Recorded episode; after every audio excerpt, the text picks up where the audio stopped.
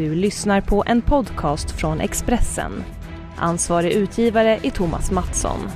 Fler poddar hittar du på expressen.se podcast och på iTunes.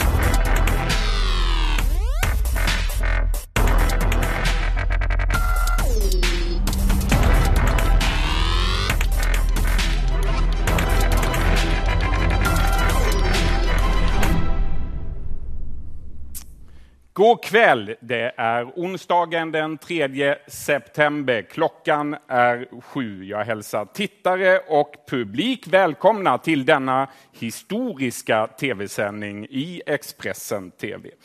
Vi sänder från stora scenen på Hotell Rival vid Mariatorget i Stockholm.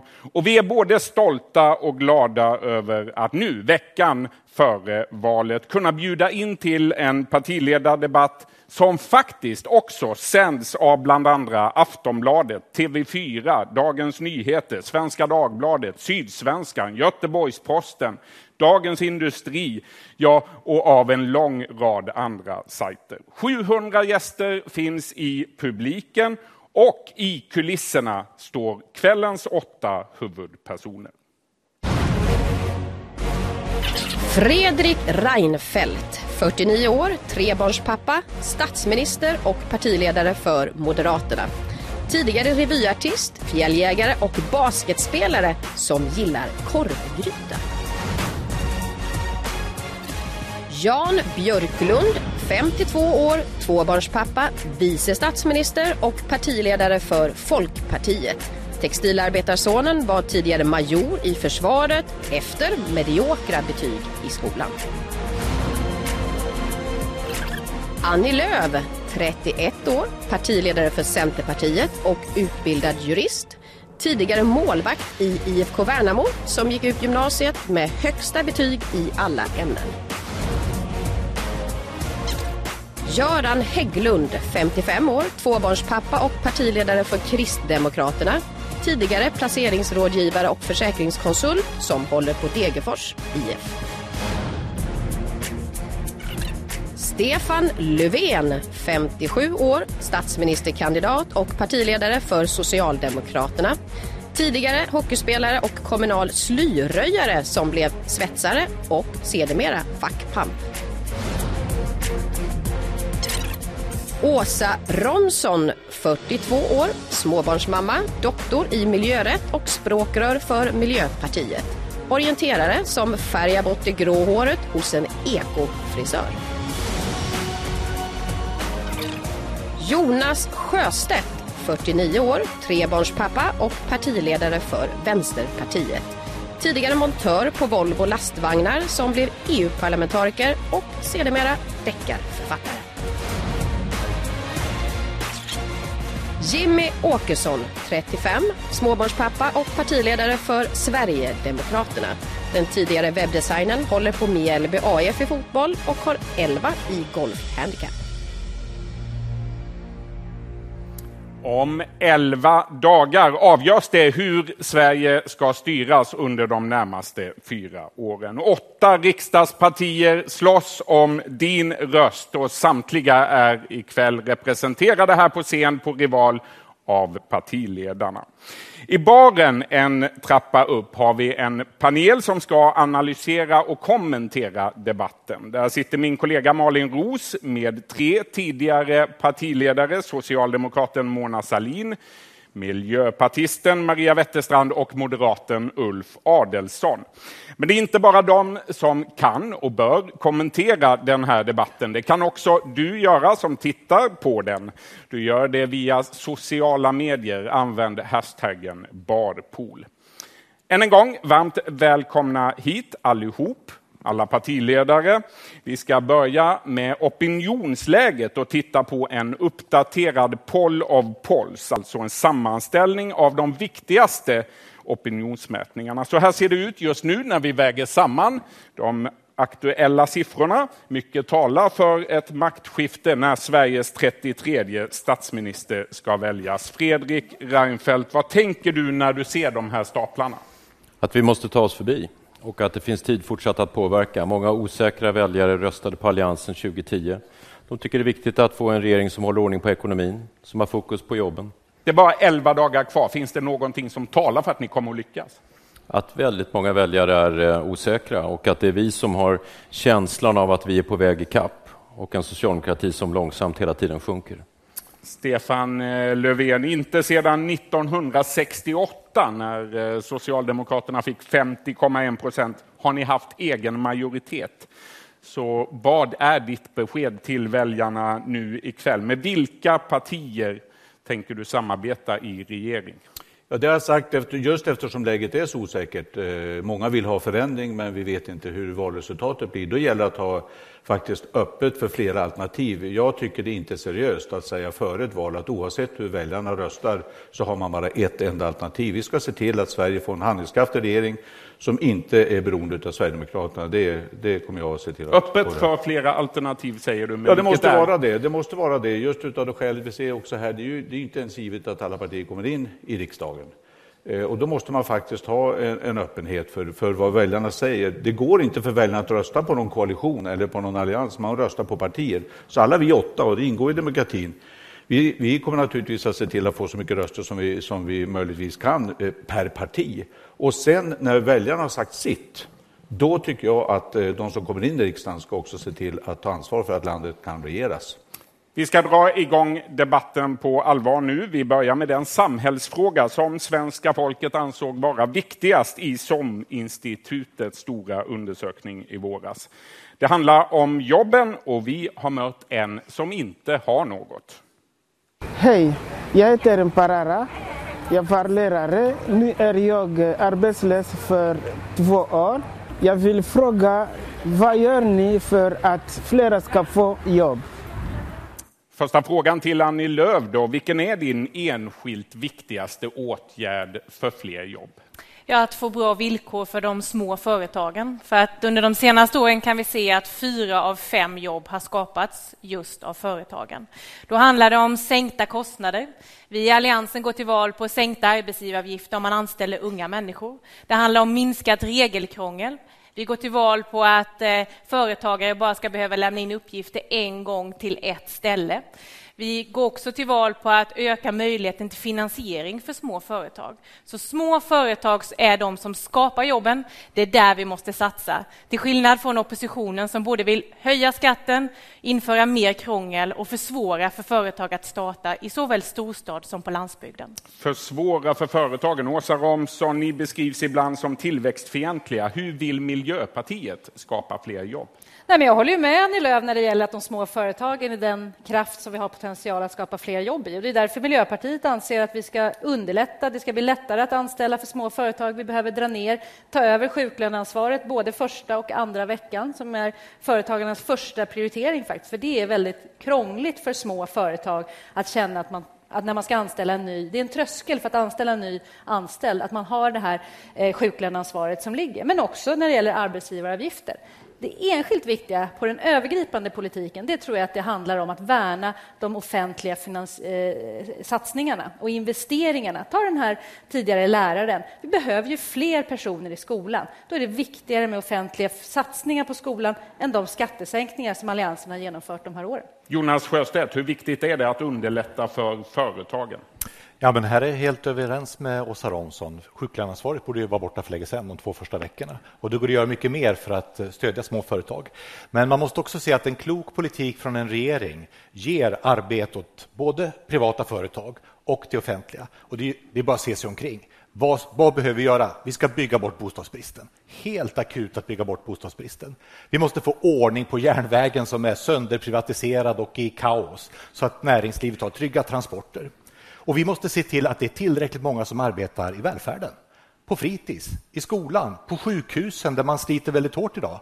Vi vet ju att det här är enormt viktiga arbeten. När vi gör det här, istället för att alltid, alltid, alltid sänka skatten åt de som redan har, då bygger vi ett bättre, rättvisare Sverige och vi skapar arbeten som verkligen behövs.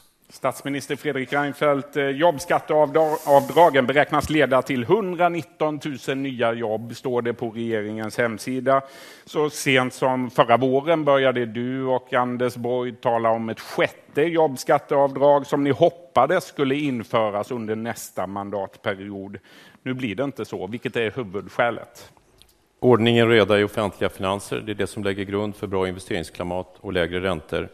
Men här är boken alla talar om. Det är valmanifestet. Siffran som står upp är 265. 265 förslag. Alla ger inte fler jobb, men det här är politik direkt redo att sättas i arbete om de här fyra partierna får fortsätta. Här finns investeringar för att få, få igång byggandet. Här finns investeringar för att få höghastighetstågen. Här finns kostnadssänkningar för företag som nämndes. Här finns de skolförbättringar vi behöver göra så att vi får bättre skolresultat. Men det står ingenting i den boken om något jobbskatteavdrag? Nej, men i det här tunna dokumentet står det en hel del om skattehöjningar. Och sen är det bara 88 förslag. Och det är bara en liten skiss som Socialdemokraterna har lagt fram. Här finns alltså ingenting av det Jonas Sjöstedt nu sa, eller Åsa Romson heller för den delen. Ni chansar lite, ni röstar på något, får något annat, har ingen aning om vad det blir. Så ska man vara aktsam med väljare att inte få det. Ta ansvar för Sverige, se till att skicka fram ett förberett regeringsalternativ. Stefan Löfven, känner du igen den beskrivningen ju, av era papper? Det är ju märkligt att det är så fyra som är ansvar för de senaste åtta åren. Det är ni som har ställt till så att vi har högre arbetslöshet än när ni tillträdde högre långtidsarbetslöshet, högre ungdomsarbetslöshet. Det är resultatet av era åtta år. Nu kommer det på 265 förslag, varav ett lyder vi ska lägga en forskningsproposition. Det ja, det brukar man göra varje mandatperiod, så det tillhör den obligatoriska åkningen. Och säga att nu ska vi dessutom eh, låta de som har kommit ur fas 3 och studerar ska få gå tillbaka till fas 3. Åh, vad de kommer att bli glada för det.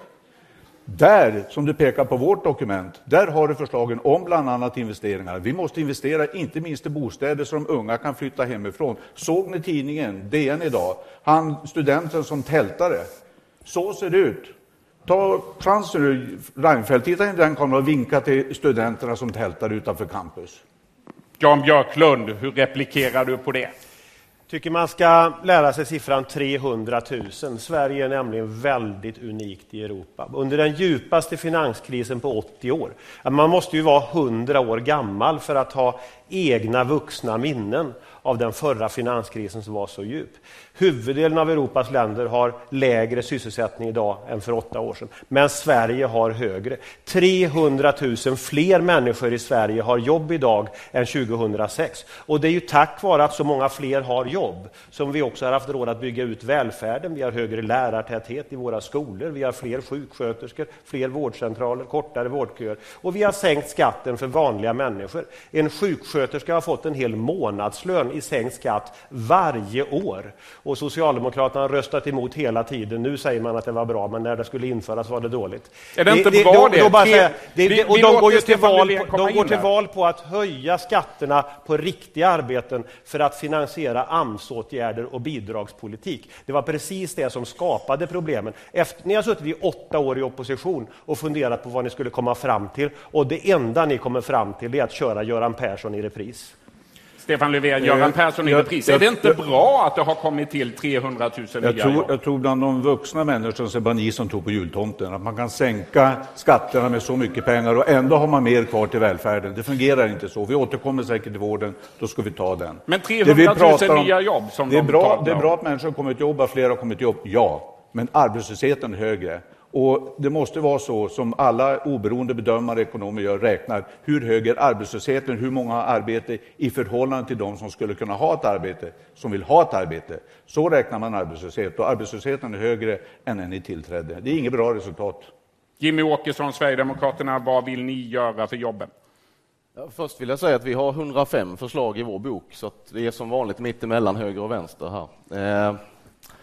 Eh, sen så, jag håller med om småföretagen naturligtvis. Vi har också förslag som riktar in sig på just små och medelstora företag. Men eftersom alla verkar överens om det, vilket jag tycker är bra, så lämnar jag landsbygd istället. Vi behöver för att skapa jobb på landsbygd satsa i infrastruktur, vi behöver inte minst satsa i omställning. Vi har skogsnäring, gruvnäring idag som skriker efter arbetskraft som inte kan växa på det sätt som man skulle kunna göra därför att vi har brister i utbildningspolitik och omställningspolitik och då måste vi våga satsa så att vi kan också skapa förutsättningar för att landsbygd och glesbygd ska kunna både leva och växa av egen kraft.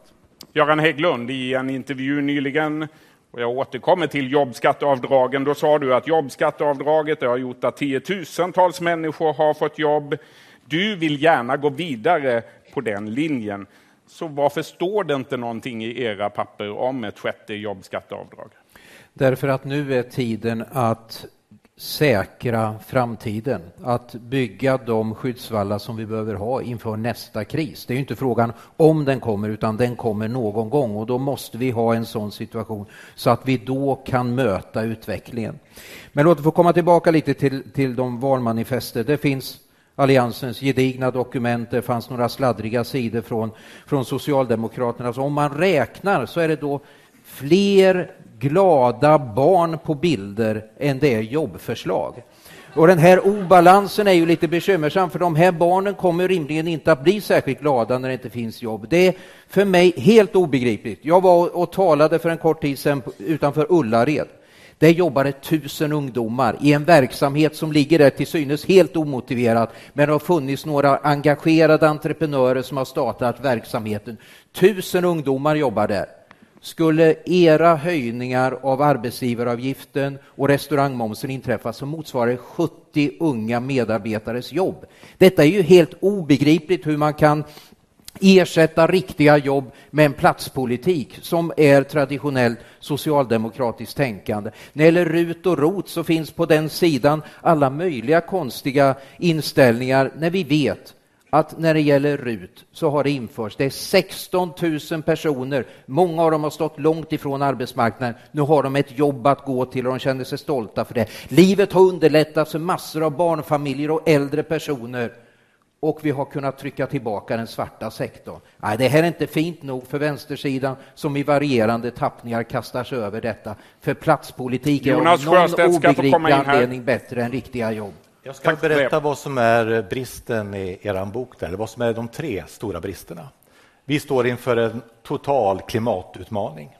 Och ni har i stort sett ingen politik för att Sverige ska gå före och visa väg och få ner utsläppen av växthusgaser. Det är faktiskt katastrofalt. För det andra, ni har misslyckats med jämställdheten mellan män och kvinnor i åtta år. Vi har en enorm inkomstklyfta, vi har en stor ojämlikhet mellan män och kvinnor. Ni har ingen politik för att ta bort den. Och för det tredje, er politik det är en politik för fortsatt privatisering. Hur många fler skolor, hur många fler äldreboenden, hur många fler sjukhus kommer att säljas till riskkapitalisterna med er politik? Och berätta, vilka statliga företag kommer ni att sälja ut? Kan ni inte presentera den listan idag? Exakt vilka statliga företag kommer att gå under klubban för att ni har mörkat det för svenska folket? Trots att ni har skrivit så många sidor i den där boken så klarar ni inte av att berätta vilka av våra gemensamma egendomar som ni vill sälja ut. Fredrik Reinfeldt, har du några svar där till eh, Jonas Sjöstedt? Det är så här det blir. Det var alltså en jobbdebatt, men vänstern orkar inte, alltså flyr om jobben direkt. Och så pratar de om annat. Så här har vi det varenda gång.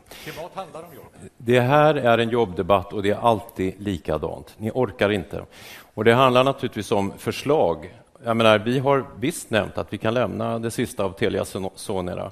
Ska du köpa tillbaka Vin och Sprit och Vasakronan? Är det vad ni planerar? Så att, eh, jag tycker att det har varit väldigt klokt att vi har sålt det som faktiskt inte staten ska ägna sig åt, nämligen att göra sprit till exempel. Och med det har vi fått lägre skulder för att säkra lägre räntor. Men det väsentliga här det är att vår syn på företagande handlar om att kostnaderna får inte öka. Då kan man inte lägga tung ytterligare beskattning på unga, på företagsamhet. Det måste ske regelförenklingar. Då kan man inte gå till val på att återreglera och ta bort väldigt mycket av den flexibilitet. Det är så glada företag blir gladare, att de känner att det inte är för krångligt, att här finns en miljö för att kunna vilja växa. Och det är där jobben har kommit. De RUT och ROT-avdrag, den lägre arbetsgivaravgiften, eh, den halverade restaurangmomsen har givit ungefär 50 000 jobb. De flesta av dem har gått till unga människor, utrikesfödda, som annars haft svårt att komma in på arbetsmarknaden. Och ni vill i princip ta bort eller förneka alltihop. Det är inte ett bra sätt att ta ansvar för Sverige. Fredrik Reinfeldt, det enda som är grönt på dig är slipsen. För ni har ingen politik för klimatet. Men den är snygg. Ja, men knappt slipsen är grön en gång. Om man inte inser att framtidens arbeten ligger i att ta ner utsläppen av växthusgaser, att bygga om bostäderna, att bygga miljövänliga kommunikationer, att bygga bort beroendet av fossila bränslen, då har man ingen politik för framtiden. Då är man diskvalificerad från den största utmaningen som vi står inför. Annie Lööf. Jonas Sjöstedt, det är nog dags att du köper ett par läsglasögon i Alliansens valmanifest skriver vi om Sverigebygget, hur vi ska få hållbara transporter, kollektivtrafik, höghastighetståg och samtidigt bygga bostäder. Vi beskriver att vi ska fortsätta vara världsledande på miljö och klimat. Vi har ett offensivt mål till 2050 om att vara klimatneutralt och mycket, mycket mer. Men låt oss komma tillbaka till jobben. Det här är Viktor. Han är 22 år gammal. Han ringde mig i eftermiddags. Han är ungdomstränare för IFK Helsingborg. För åtta år sedan fick han en hjärntumör. Han blev förlamad. Han har nu fått tillbaka 80 procent av sin förmåga. Han sa till mig att hans idrottsklubb hade aldrig haft möjligheten att anställa honom om vi inte hade haft halverade arbetsgivaravgifter. De hade inte haft ekonomi till det. Det här var vad han fixade med sin kapacitet, att jobba och träna barn och unga i idrott. Han bad mig att ställa en fråga till Stefan Löfven. Varför vill du, Stefan, göra mig arbetslös och placera mig i en ungdomsgaranti med AMS-åtgärder? Svara på det, Stefan. Du får han behöver inte alls bli arbetslös. Är det så att det där jobbet passar för honom, då ska jag göra det bättre för honom. Då ska han inte vara i fas 3 med 5 000 kronor i månaden. Han är ska, inte i fas 3, han har ett riktigt jobb. Ja, och då ska, han, då ska han vara där. Ska han ett riktigt jobb ska han självfallet vara där. Klubben så har inte råd problem. om du gör honom 45 000 det, kronor dyrare det, varje år, Stefan. Det är bara det, 45 000 Det är bara det att med den här åtgärden som ni, som ni har genomfört så betalar skattebetalarna för fyra jobb och får ett. Men vad säger du till Viktor? De jobben, Annelie, om jag får prata till punkt. Svara Victor. De jobben kostar en till en och en halv miljon kronor per jobb. För det kan vi få fyra jobb.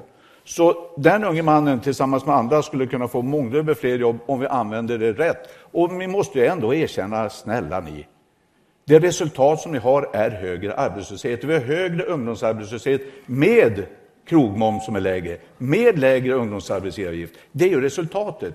Vi, vi, måste se Sverige i en helhet. Vi lever i en global ekonomi. Det är oerhört viktigt att vi kan konkurrera på rätt sätt. Och då kan jag säga, det är inte lägre krogmoms som kommer att höja Sveriges produktivitet och konkurrenskraft. World Economic Forum kommer idag med en siffra. Nu halkar vi ner ett snäpp till. Vi var trea på våran tid. Ni har fått ner oss till sjätte plats och nu är vi på tionde plats. Vi Tack för det, Stefan Löfven. Vi måste gå vidare. Vi kommer säkert att återkomma i den här debatten till jobben, det är jag helt övertygad om. Men väljarna behöver fler svar än så. Därför kommer vi också under kvällen att komma med ett antal påståenden. Och därför har vi delat ut röda och gröna lappar på partiledarnas bord. Ni har sett det här förut i andra debatter, tror jag. Eh, vi börjar med det första påståendet nu då. Om tre veckor då har journalisten David Isak suttit fängslad i Eritrea i 13 år utan rättegång. Påståendet nu då, det är dags att förbjuda Eritreas indrivning av skatt från svensk-eritreaner i Sverige. Vad säger ni? Röd eller grön lapp? Alldeles enkelt att stifta en sån lag. Det är inte lätt att stifta en sån lag. Nej, det är alltså, jag förstår vad ni syftar till. Vi tycker att det här är jättefel. Men hur ska ni stifta den lagen som styr över hur man betalar till ett annat land? Det är inte jag alldeles säker på att det går att utforma. Man kan väl, kan man inte, kriminalisera det faktum att man driver in pengar ifrån eritreanska medborgare i Sverige? Frågan har ju diskuterats av riksdagen. Men Niklas, om de skickar från ett konto till ett annat, ja. det kan ju vara en indrivning, om någon skickar från ett konto till ett annat, det är inte så lätt att förbjuda det. Vi tar nästa påstående där då. Det var värt ett försök. Det var värt ett försök, definitivt. Barnkonventionen då, ska den bli svensk lag? Fredrik Reinfeldt och Jimmy Åkesson svarar nej. Fredrik Reinfeldt, varför? Därför att vi anser att vi på olika sätt tar hand om barnens rättigheter bra som det är och att vi menar att det blir mer vittgående konsekvenser som vi inte helt överblickar. Vi tycker att den barnkonventionen har så att säga sprungits förbi av många av de åtgärder, den lagstiftning vi redan har genomfört i Sverige för barnens bästa. Ett påstående till då. Barack Obama är en bättre president än Vladimir Putin. Oj, det var ju svårt. ja, det var gröna lappar på alla där. Det var inga avvikande meningar. Det har blivit dags att byta ämne här i Expressens stora partiledardebatt. Vi ska snart prata om skolan, men först ska vi hälsa på i baren en trappa upp. Där sitter min kollega Malin Ros. Vad säger panelen om debatten så långt? Tack Niklas och hej alla ni som följer debatten. Jag har med mig en synnerligen eminent panel här uppe på andra våningen. tre personer som vet mycket väl hur det är att försöka hålla tungan rätt i mun i slutspurt på valet. Eh, Mona Sahlin, ja. före detta partiledare Socialdemokraterna. Ulf Adelsohn, dito Moderaterna och Maria Wetterstrand, tidigare språkrör Miljöpartiet. Mona Sahlin, mm. du efterfrågade inför den här eh, debatten en öppen, tydlig och modig debatt. Nu har vi klarat av jobben här. När brände det till? Ja, men jag tycker det började bra. Det har börjat bra. De är taggade, de är på. Det märks att, de, att det börjar gälla mycket på riktigt nu. Framförallt mellan Fredrik Reinfeldt och Stefan Löfven. Mm. Ehm, min, eh, det jag inte tyckte så mycket om det var den här fighten om vem som har flest förslag. Nej. Man brukar säga förut liksom gladast vinner. Nu är det ungefär som den som har flest förslag vinner. Men det är kanske bra att diskutera om det är bra eller dåliga förslag och vad man vill. Men det är en bra början. Mm. Jonas Sjöstedt gick ju ganska till, till eh, attack där mot ja, eh, järnvägen och då undrar jag, är det ditt fel Ulf Adelsohn? Du var ju ändå styrelseordförande. Han muttrade lite. Nej, jag kan ju säga det, det där har skett långt innan jag ens kom dit och det har nog gjorts av de flesta. Det är dessutom inte så mycket privat, det är rätt mycket statligt också i den där totala uppdelningen. Men vad som slår mig här, det är annorlunda än på min tid. Då var det Socialdemokraterna som angrep de borgerliga för att eh, ni har inget regeringsalternativ, vad ska det bli? Ska folk rösta på er och inte veta vad det blir? Nu är det precis tvärtom.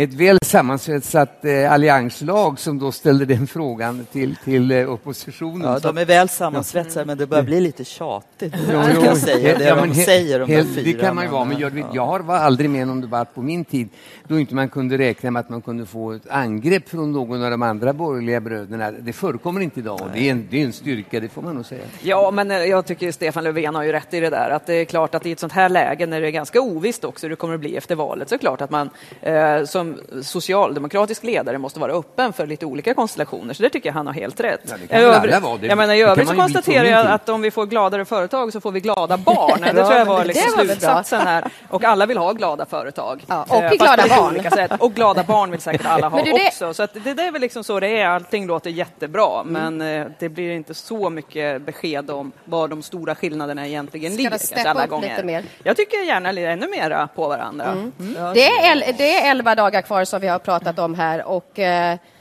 fortfarande väldigt många som inte har bestämt sig. Hur avgörande är de här debatterna som är nu? Det känns ju, tror jag själv, jag tyckte det i alla fall, som de är väldigt avgörande. Mm. Det känns att det är på riktigt, man är väldigt nervös det känns som gör man bort sig så kan det betyda väldigt mycket och nu har man kort tid att rätta till det. Så debatterna spelar roll. Jag tänker också så här för, ett, för eh, de partierna som inte är då Moderaterna och Socialdemokraterna som ju inte kanske får riktigt lika mycket utrymme i valrörelsen mm. så är ju de här debatterna jätteviktiga. Mm. För här har man ju verkligen chansen att på samma villkor som de stor, största partierna mm. få vara med och säga sin åsikt och sin synpunkt. Och så, eh, det är viktigt. Åsa Romson har ju fått kritik för att inte kanske ha steppat upp efter bland annat eh, utfrågningen i P1 och i hennes sommartal. Hur långt är hon ifrån sin toppform?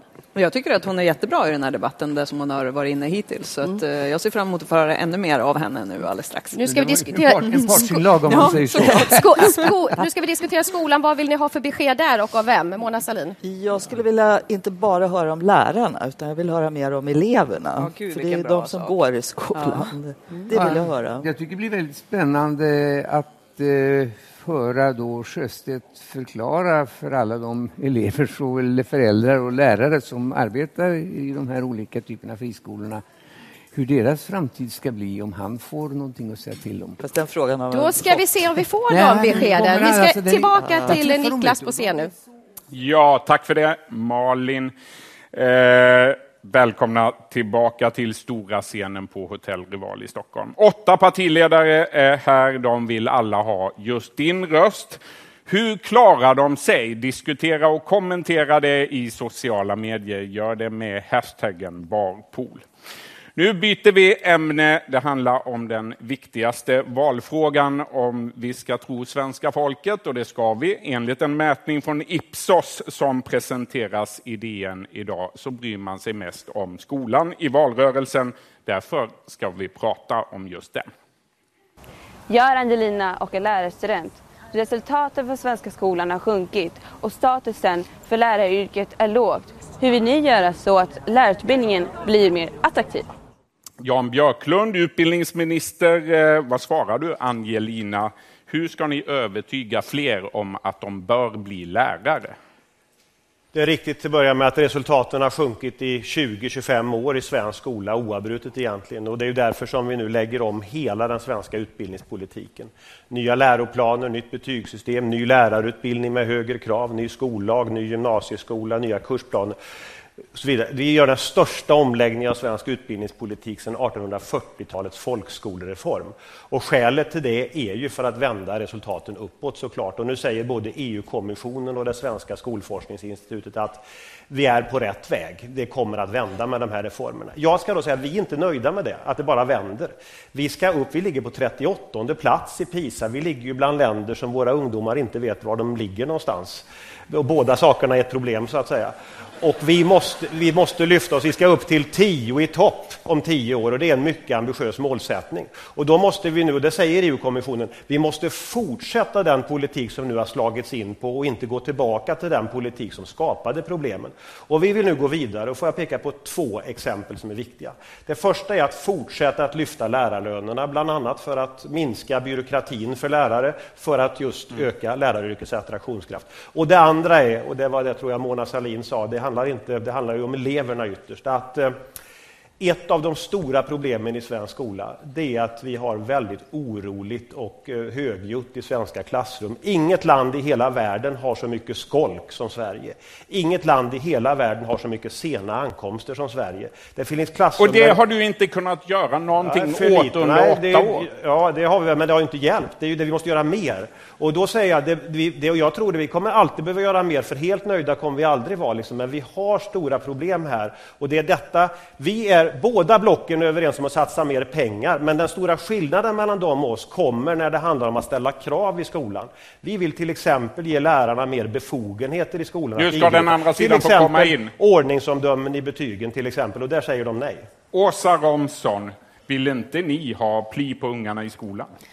Jo, men vi är inte med genom att romantisera den här 50-talsskolan och vilja gå tillbaka till, till det där med liksom kepsen i, i knät och skamvrån och sånt. Det tror vi tillhör en, en gammal pedagogik. Vi måste titta framåt. Vi måste framför allt titta på vad forskarna säger skulle kunna hjälpa. För nu står ju Jan Björklund här igen efter åtta år och säga att ja, men det vänder, det blir bra. Men du, Jan Björklund, jag hörde så sent som i fredags att vi aldrig någonsin har haft så många unga som går ut nian och var obehöriga för att komma in på gymnasiet. Det är för mig att lyssna till en Bagdad Bob att stå och, och höra att det nu vänder och att allting blir så bra när vi ser hur lärarstudenter är, är desperata i att hur ska vårt yrke faktiskt få en status? Och det är faktiskt så att eleverna hjälper man bäst genom att de får tid med sina lärare. Då kan man inte avskeda kringpersonalen på skolan, de som har varit kuratorer, de som har, har hjälpt till med byråkratin så att lärarna kan sitta där med de växande eh, högarna. Nio av tio lärare har ju känt en ökad papperspress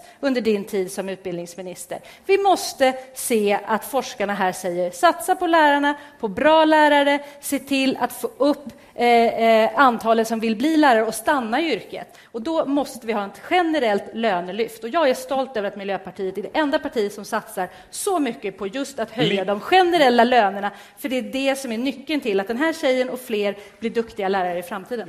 Tack Åsa Romson. Vi vill ha lite mer tempo här, det och då, tror jag alla efterlyser. Och det är därför som lärarlönerna går upp nu och det är precis därför som söktrycket nu går upp. Det har ökat med 40 procent antalet sökande till lärarutbildning på några år, sedan den tiden när ni styrde, för då var det verkligen få som sökte. Nu går det upp och det måste fortsätta att gå upp. Men, men, men stå inte och kalla de där ungarna som finns i varenda klassrum som måste sitta med hörselkåpor på, stå inte och kalla att det är 50-talspolitik och se till att de får lugn och ro. Det är ju för deras skull vi måste ha studiero i skolan. De behöver en arbetsro men för att kunna koncentrera ge sig. Då det är ingen 50-talspolitik. Det är modernt att skapa ordning i skolan. Jonas Sjöstedt får komma in där först. Jag har, ju, jag har två sexåringar hemma som precis har börjat skolan. Och jag funderar mycket över barnuppfostran. Och någonting väldigt grundläggande i barnuppfostran tycker jag är att man ska lära sig att när det blir fel, då ska man ta på sig det och så ska man göra någonting åt det. Man ska inte skylla ifrån sig. Problemet är att vår vice statsminister alltid slutar varje trave och sen är det sossarnas fel. Det är som ett dåligt föredöme i barnuppfostran tycker jag, att ha haft ansvaret så länge och sen alltid skylla på någon annan. Och min fråga till dig, Jan Björklund, det är om ett specifikt ögonblick. Hälsans förskola ägd av en folkpartist. Han blev rik. Det var skandal. De fick knäckebröd och vatten istället för riktig mat. Det är den borgerliga politiken som drabbar förskolor och skolor. Vad tänkte du då? När du såg att din partibroder hade blivit miljonär på att man inte gav ungarna ordentligt att äta i förskolan? Jag blir mycket upprörd när någon upp, inte uppfyller kraven och det är därför som också Skolinspektionen drar in tillstånden blixtsnabbt numera. Det fanns inte en sån Skolinspektion när ni styrde. Nu gör det det och de ska vara stenhårda mot både kommunala skolor och mot fristående skolor när de inte uppfyller kraven. Skillnaden är Jonas Sjöstedt att det finns 160 000 elever och barn i Sverige som går i fristående skolor som drivs i företagsform. Om några veckor kan deras skolor vara nedlagda om ni vinner valet. Föräldrarna har medvetet valt dessa skolor. De tycker de är bra i huvudsak. Det är därför. Det är ju ingen som nu ska jag välja en dålig skola. Det jag lovar, det är inga föräldrar som tänker så. De har valt skolor därför de, och de har höga kvalitet, hög resultat, eh, uppfyller sina mål och de vill du förbjuda. Det är obegripligt. Stefan Löfven. Ja, du, har varit, du har varit utbildningsminister i åtta år. Det är knappt någon i modern tid som varit utbildningsminister så länge. Och ju längre du har varit utbildningsminister, ju mer skyller du på oss. Det håller inte. Det är du som är ansvarig för detta. Och man frågar sig varför har ni använt så mycket pengar till att sänka skatterna med? Varför har ni sänkt skatterna 20 gånger mer än ni har satsat på skolan? Om det är så att skolresultaten har sjunkit i 20 år, då borde de rimligen ha sett, du har sett att då har de sjunkit 12 år före dig. Och vad gör du då? Jo, du sänker skatterna. Vi lägger dit mer pengar. Vi har gjort det hela tiden i våra budgetar och vi gör det också framledes. För du säger att vi är överens om resurser i framtiden. Då kan jag berätta för dig att våra resurser till skola och utbildning är dubbelt så stora som era. Vårat, våran avsättning till skola och utbildning är lika stor som hela ert valmanifest. Fredrik Reinfeldt, eh, kommunpolitikerna är amatörer. Eh, det sa utbildningsminister Jan Björklund i SVTs skoldebatt. Håller du med honom? Vi tycker att de ska vara kvar i kommunal regi, men vi tycker att mycket Trots de... att politikerna är amatörer? Vi tycker att de ska vara kvar hos kommunerna. Sen tycker jag Löfven ska svara på frågorna som han nu sa med en Björklund. Då säger jag, men Löfven, hur kan du gnälla på skattesänkningar varje gång och ändå acceptera 90 procent av de skatter vi har sänkt? Det är lite märkligt. Får jag säga så här, vi har inte sagt att vi inte har gjort någonting åt svensk skola. Vi gör stora förändringar. Jag har också barn i skolan, det är många av oss som kan relatera till det. Merparten av förändringarna genomfördes 2011-2012. Väldigt många av de barn som nu går i nionde klass har i stor utsträckning inte ens levt med de nya reformer, det nya betygssystem vi har infört, nya läroplaner, satsningar på läraren. Det lite märkliga här det är ju att antyder ni alltså med all kritik att ni tänker riva upp allt en gång till? Ska säga alla våra reformer försvinna eller ska ni berätta för väljarna det vi vet som har läst era dokument? Större delen av det vi har gjort har ni accepterat. Ni kommer låta det fortsätta. Och I grunden tycker jag det är bra. Jag håller med Stefan Löfven. Det här är ett område du ska satsa. Vi vill göra ett särskilt lyft för eh, de yngsta barnen. Vi vill ha mindre klasser. Vi vill ha mer speciallärare. Vi vill ha mer undervisningstid. Hör och häpna, vi vill ha mer matematikundervisning. Vet ni, jag har varit ute på skolor och sagt det. Det blir inte omedelbart jubel, men det är rätt ändå. Därför att det är i enskilda ämnen där vi har störst problem med att nå godkänt. Bra, låt oss satsa på detta. Vi, över hälften av vårt valmanifest riktar vi just till skolsatsningar och det behövs. Stefan Löfven. Och ni får, ni får till hälften så mycket resurser som vi sätter på skolan. Hälften så mycket får ni till. Våra skolsatsningar de är lika stora som hela ert valmanifest, därför att vi prioriterar. Och det prioriterar vi på tidiga insatser för barnen, så att de får mer tid. Barnen måste få mer tid med sina lärare.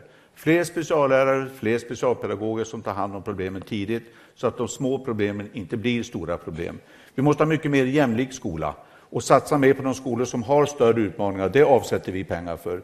Vi måste se till att alla barn får läxlut efter behov, inte bara de vars föräldrar har råd att dra på läxlut. Det är en stor skillnad på vår skolpolitik och vi accepterar inte att stora skolföretag drar ner på lärartätheten för att göra vinster, som de tio faktiskt gör. Lägger vi ihop grundskolan och gymnasieskolan så kommer vi upp till 650 miljoner kronor i vinst just för att man dragit ner på lärartätheten. Det är inte okej. Okay. kommer aldrig vara okej okay i ett socialdemokratiskt styrt Sverige, det kan jag säga. Annie Lööf. Jag tycker det är synd att bara prata kronor och ören när man pratar om skolan. Om vi ska ta upp miljarder så kan jag konstatera att Alliansen lägger nu 7 miljarder mer än vad sossarna gjorde 2006. Men för mig är det också viktigt att konstatera att det är förändrad lärarutbildning som är viktigt. Det handlar om ett lågstadielyft där fler små barn får möta fler duktiga lärare. Det satsar vi på i Alliansen. Många av de där delarna är otroligt viktiga att diskutera. Sen låter det som att vi har skyttegravskrig också, emellan, men ska vi konstatera en sak? Vi är överens om ganska mycket.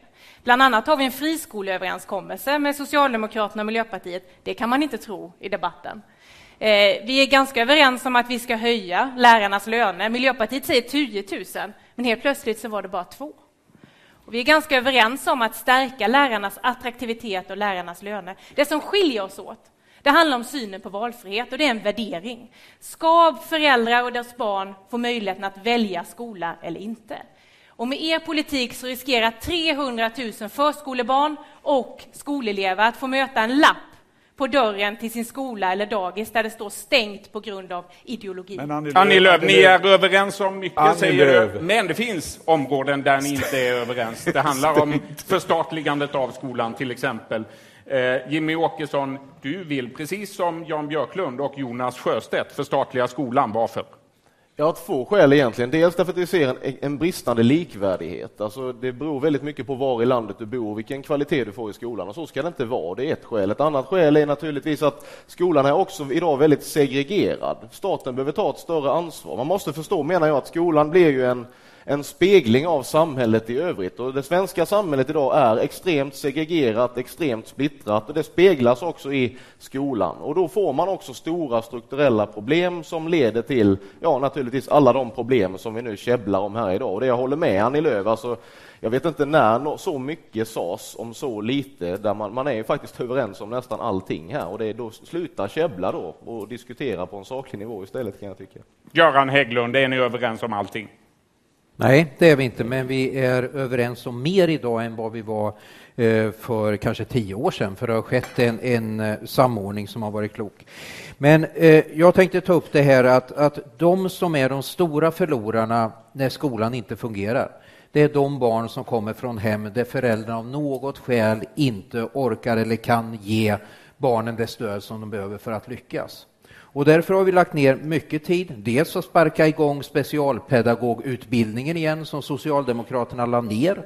Eh, väldigt viktigt att vi har folk som är extra kunniga på de barn som riskerar att halka efter. Men också att vi måste ha uppföljningar tidigt för att kunna se de barn där vi behöver sätta in extra stöd. För är det så att jag inte klarar de här första åren riktigt bra så är det klart att jag börjar hitta på andra grejer i klassrummet.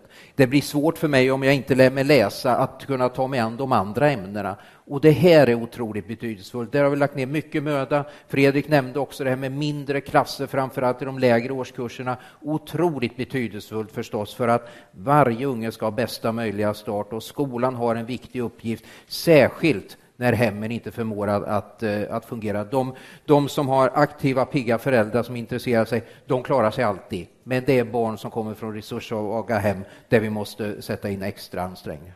Fredrik Reinfeldt, i eh, februari i år deklarerade Moderaternas skolpolitiska talesperson Thomas Tobé att han ville ha ett handslag med landets föräldrar om att begränsa ungdomars spelvanor. Ja. Varför vore det bra om våra barn spelade mindre tv-spel? Därför att då sov de mer på nätterna och det vore väldigt bra.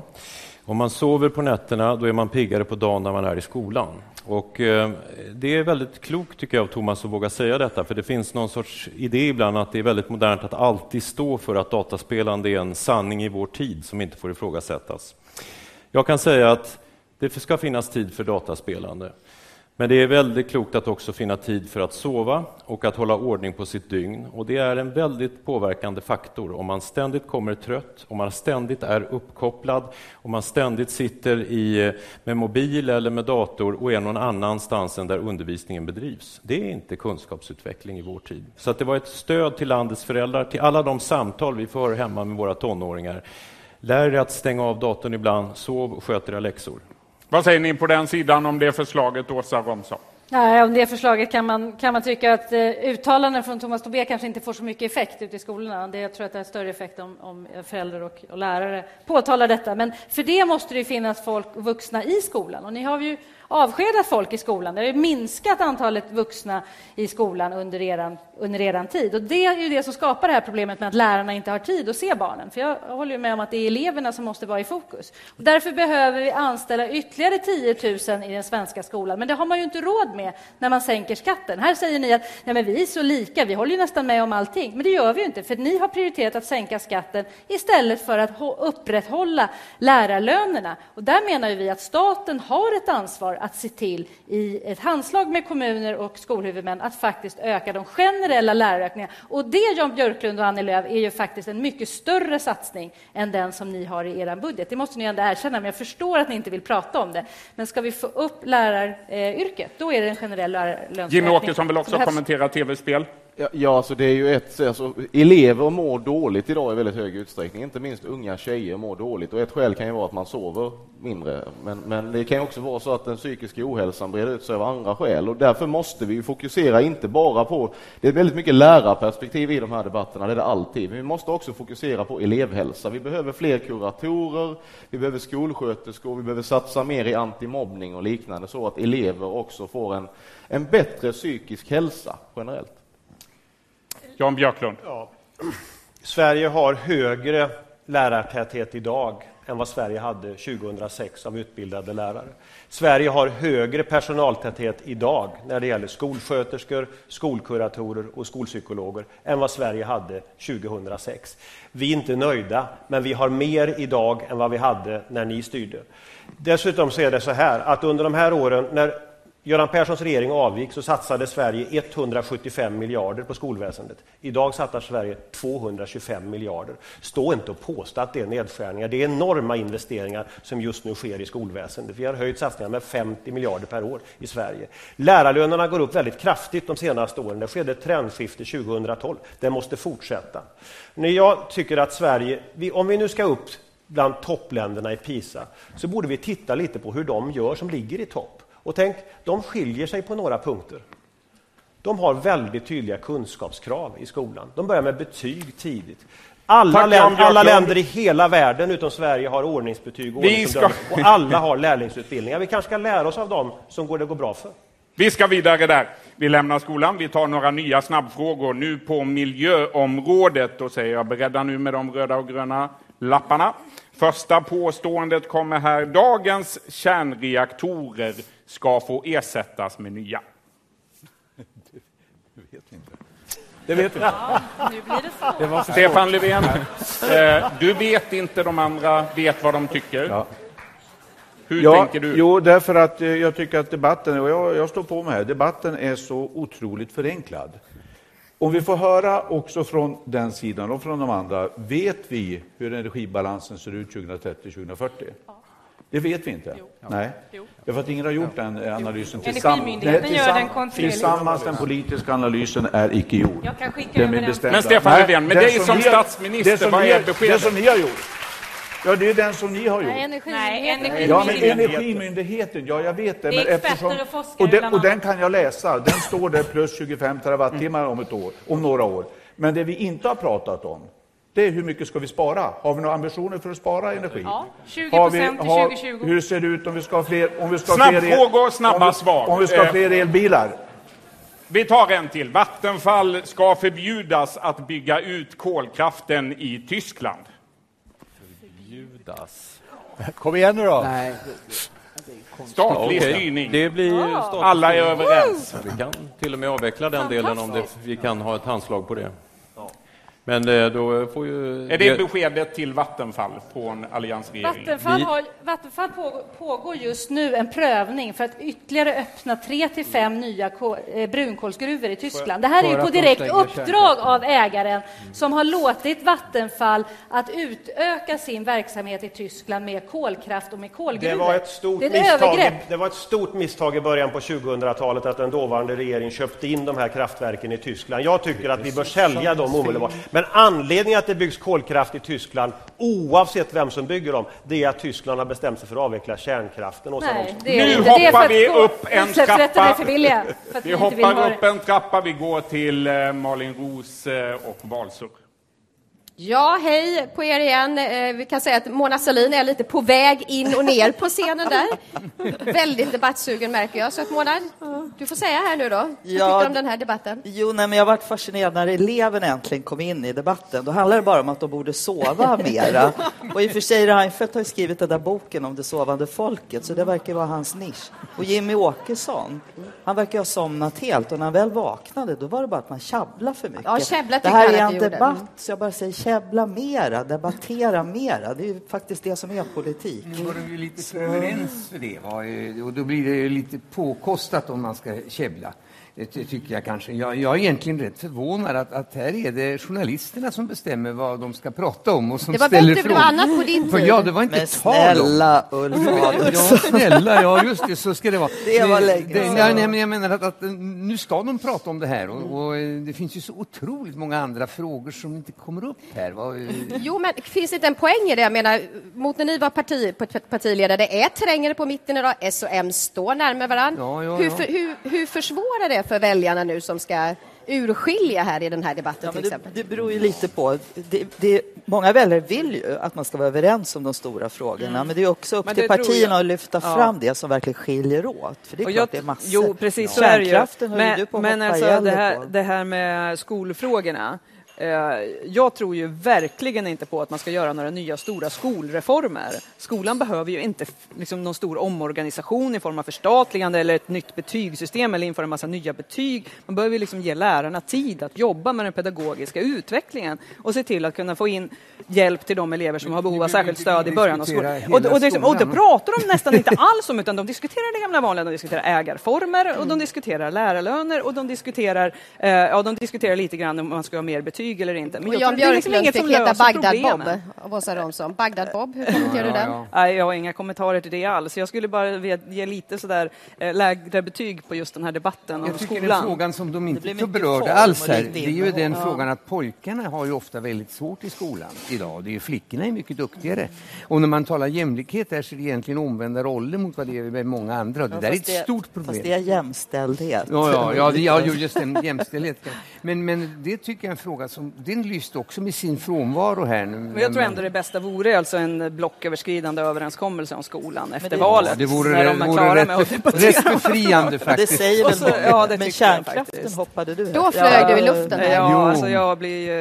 ja, Men, men, så här, visst, man har gjort en prognos i 2030 på Energimyndigheten och där låtsas man som om alla kärnkraftverk kommer att vara kvar. Fast bolagen redan har börjat ansöka om att lägga ner dem. Alltså det går inte att ha en sån här politik där man inte vet vad man ska göra med en så stor del av vår energiförsörjning. Och det är ingen som vill investera i kärnkraft idag.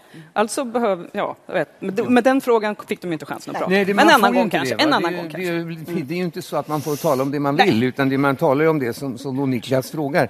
Jag menar, jag saknar ju en, en genomgående debatt om skatterna. Det är ju någonting som berör varje människas inkomst. Man talar om lärarlönerna, man talar inte om vad lärarna har kvar efter, efter skatt. Det är ju minst lika intressant som för alla Det är den andra. frågan alla moderater tycker är viktigast. Ja, det tycker jag den är. Ja, men då måste jag ändå försvara Niklas Svensson, håll i Ja, ja. hatten. Det är ju också vad väljarna har tyckt Jo, var de den här, viktiga just den här frågorna, frågan, eller hur? skola, men då hamnar man på ett område där de var dessutom som mest överens. Där du säger att mera debatt, mera Ja, tryck i frågorna. De, kan, de kanske har sovit för lite. De har sovit för lite. Men hörni, den här debatten idag, nu, det har ju ändrat sig lite grann sen den politiska bevakningen, sen alla ni tre, Ja. till och med sen ni, sen ni var eh, partiledare. Idag, vi till exempel, när ni står och eh, kommenterar den här tv-sända, eh, Ja. webbsändningen. Vi har väljarna som kan vara med i realtid och kommentera. Tycker ni att det är en eh, utveckling som skrämmer eller lockar? Jag tycker bara det är bra, det måste jag säga. Ja, det tycker jag bara också. bra. Det stora hela tycker jag också det är mer levande, men jag vidhåller att jag tycker det skulle finnas en fri sektor också där partierna får ta upp vad de själva vill. Men bara för att vi är inne på ämnet så ska jag ta. Vi, vi har ju koll, man kan ju då alltså eh, twittra och följa oss på hashtaggen barpool och jag ska läsa upp en fråga här från Julia angående debatten. Vem klädde Fredrik Reinfeldt idag? Det var väl någon som satte på honom en grön slips förstod jag. Ja, det var väl, nej men på Var riktigt någon- Ulf Adelsohn, Ja. hur viktigt är det i de här att jag se hel och ren ut? Jag frågade i alla sammanhang alltid, vad är det för färg på bakgrunden? Så att man inte ska försvinna i bakgrunden eller något sånt. Och det är viktigt att, att man bryter av och syns. Nu hamnar jag med två ja, nej, mörka kvinnor. Här. Två, två i svart. Ja. Alltså, och den tredje, alla är ni ju då svarta som är, det är lite för mycket landsår. Ja, men killarna, det blir bara att resonera om färgen på slipsarna. Ja. Ursäkta, Gå tillbaka till slipsarna helt enkelt på scenen. Tack för det, Malin. Eh, Jan Björklund han konstaterade här alldeles nyss att han eh, väldigt gärna ville recensera panelen. Vi får se om vi får tid till det senare. Eh, det här är Bar och politik, stora partiledardebatt. Nu ska det handla om de mest värdefulla vi har, om de som inte får rösta i valet den 14 september. Men i den här debatten har de ändå en röst. Dags nu för barn och politik. Varför måste man gå till skolan på morgonen så tidigt? Utbildningsminister Jan Björklund, vad svarar du Olof, åtta år? Ja, det är ju för att skolan är viktig, att eh, Olof och alla hans kompisar ska lära sig mycket och man ska lära sig att läsa och skriva och räknesätten till exempel på lågstadiet och sådär. Så. Och sen så är väl skoltiden är väl rätt mycket anpassad efter hur huvuddelen av föräldrarna jobbar också av praktiska skäl får man väl säga att de flesta människor jobbar ju, går till jobbet på morgonen och eh, lämnar barnen i skolan och så vidare. Jonas Sjöstedt, har du ett annat svar till Olof? Nej, jag är nog faktiskt överens med Jan Björklund. Jag vet inte vad som hände. Då har jag nog fel på någon punkt. Men... Annie Lööf, Annie Lööf, eh, du, Annie Lööf gick ut gymnasiet med högsta betyg trots att du var tvungen att stiga upp tidigt på morgonen. Tack vare att jag fick stiga upp tidigt på morgonen, för då kunde jag ju gå till skolan och sen hinna med fotbollsträning och allt möjligt på eftermiddagen och kvällarna. Så att, eh, det var träningen som också gjorde att jag kunde prestera. Vi hoppas att Olof är nöjd med de svaren då. Vi tar en fråga till direkt. Är det kul att bestämma i Sverige? Är det kul att bestämma i Sverige, Fredrik Reinfeldt? Ja. Det är roligt. Vad är, är det som är roligast med att bestämma? Då? men vi, har, vi är engagerade människor som har givit sig in i politiken. Därför vi känner energi, vi älskar våra idéer och vi får faktiskt göra det roligaste vi någonsin fått vara med om. Vi får en möjlighet att påverka. Och vi gör ju det med väljarnas förtroende och tröttnar de på oss så åker vi ut. Det är ju som, det, det tycker jag är en oerhörd charm. Bästa sätt, en av de bästa idéer mänskligheten har uppfunnit det här med demokrati. Så svaret är absolut ja. Stefan Löfven, vad tror du? Vore det kul att bestämma i Sverige? Det kan du ge dig på. Det är därför vi, vi jobbar som vi jobbar, för att vi ska få ett maktskifte och en förändring. Vi har eh, fler eh, nyfikna barn som eh, kommer att få ställa frågor i den här debatten lite senare. Först några korta meddelanden om sånt ni inte får missa i Expressen TV.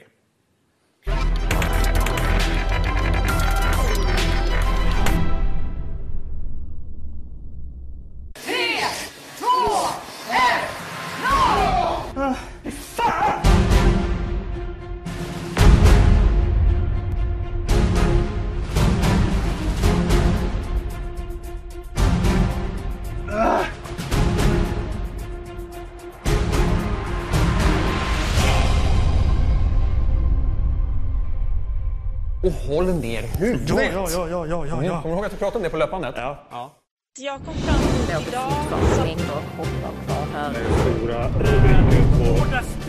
Utkämpat den gigantiska skogsbranden mellan Sala och Virsbo som nu är inne på sin...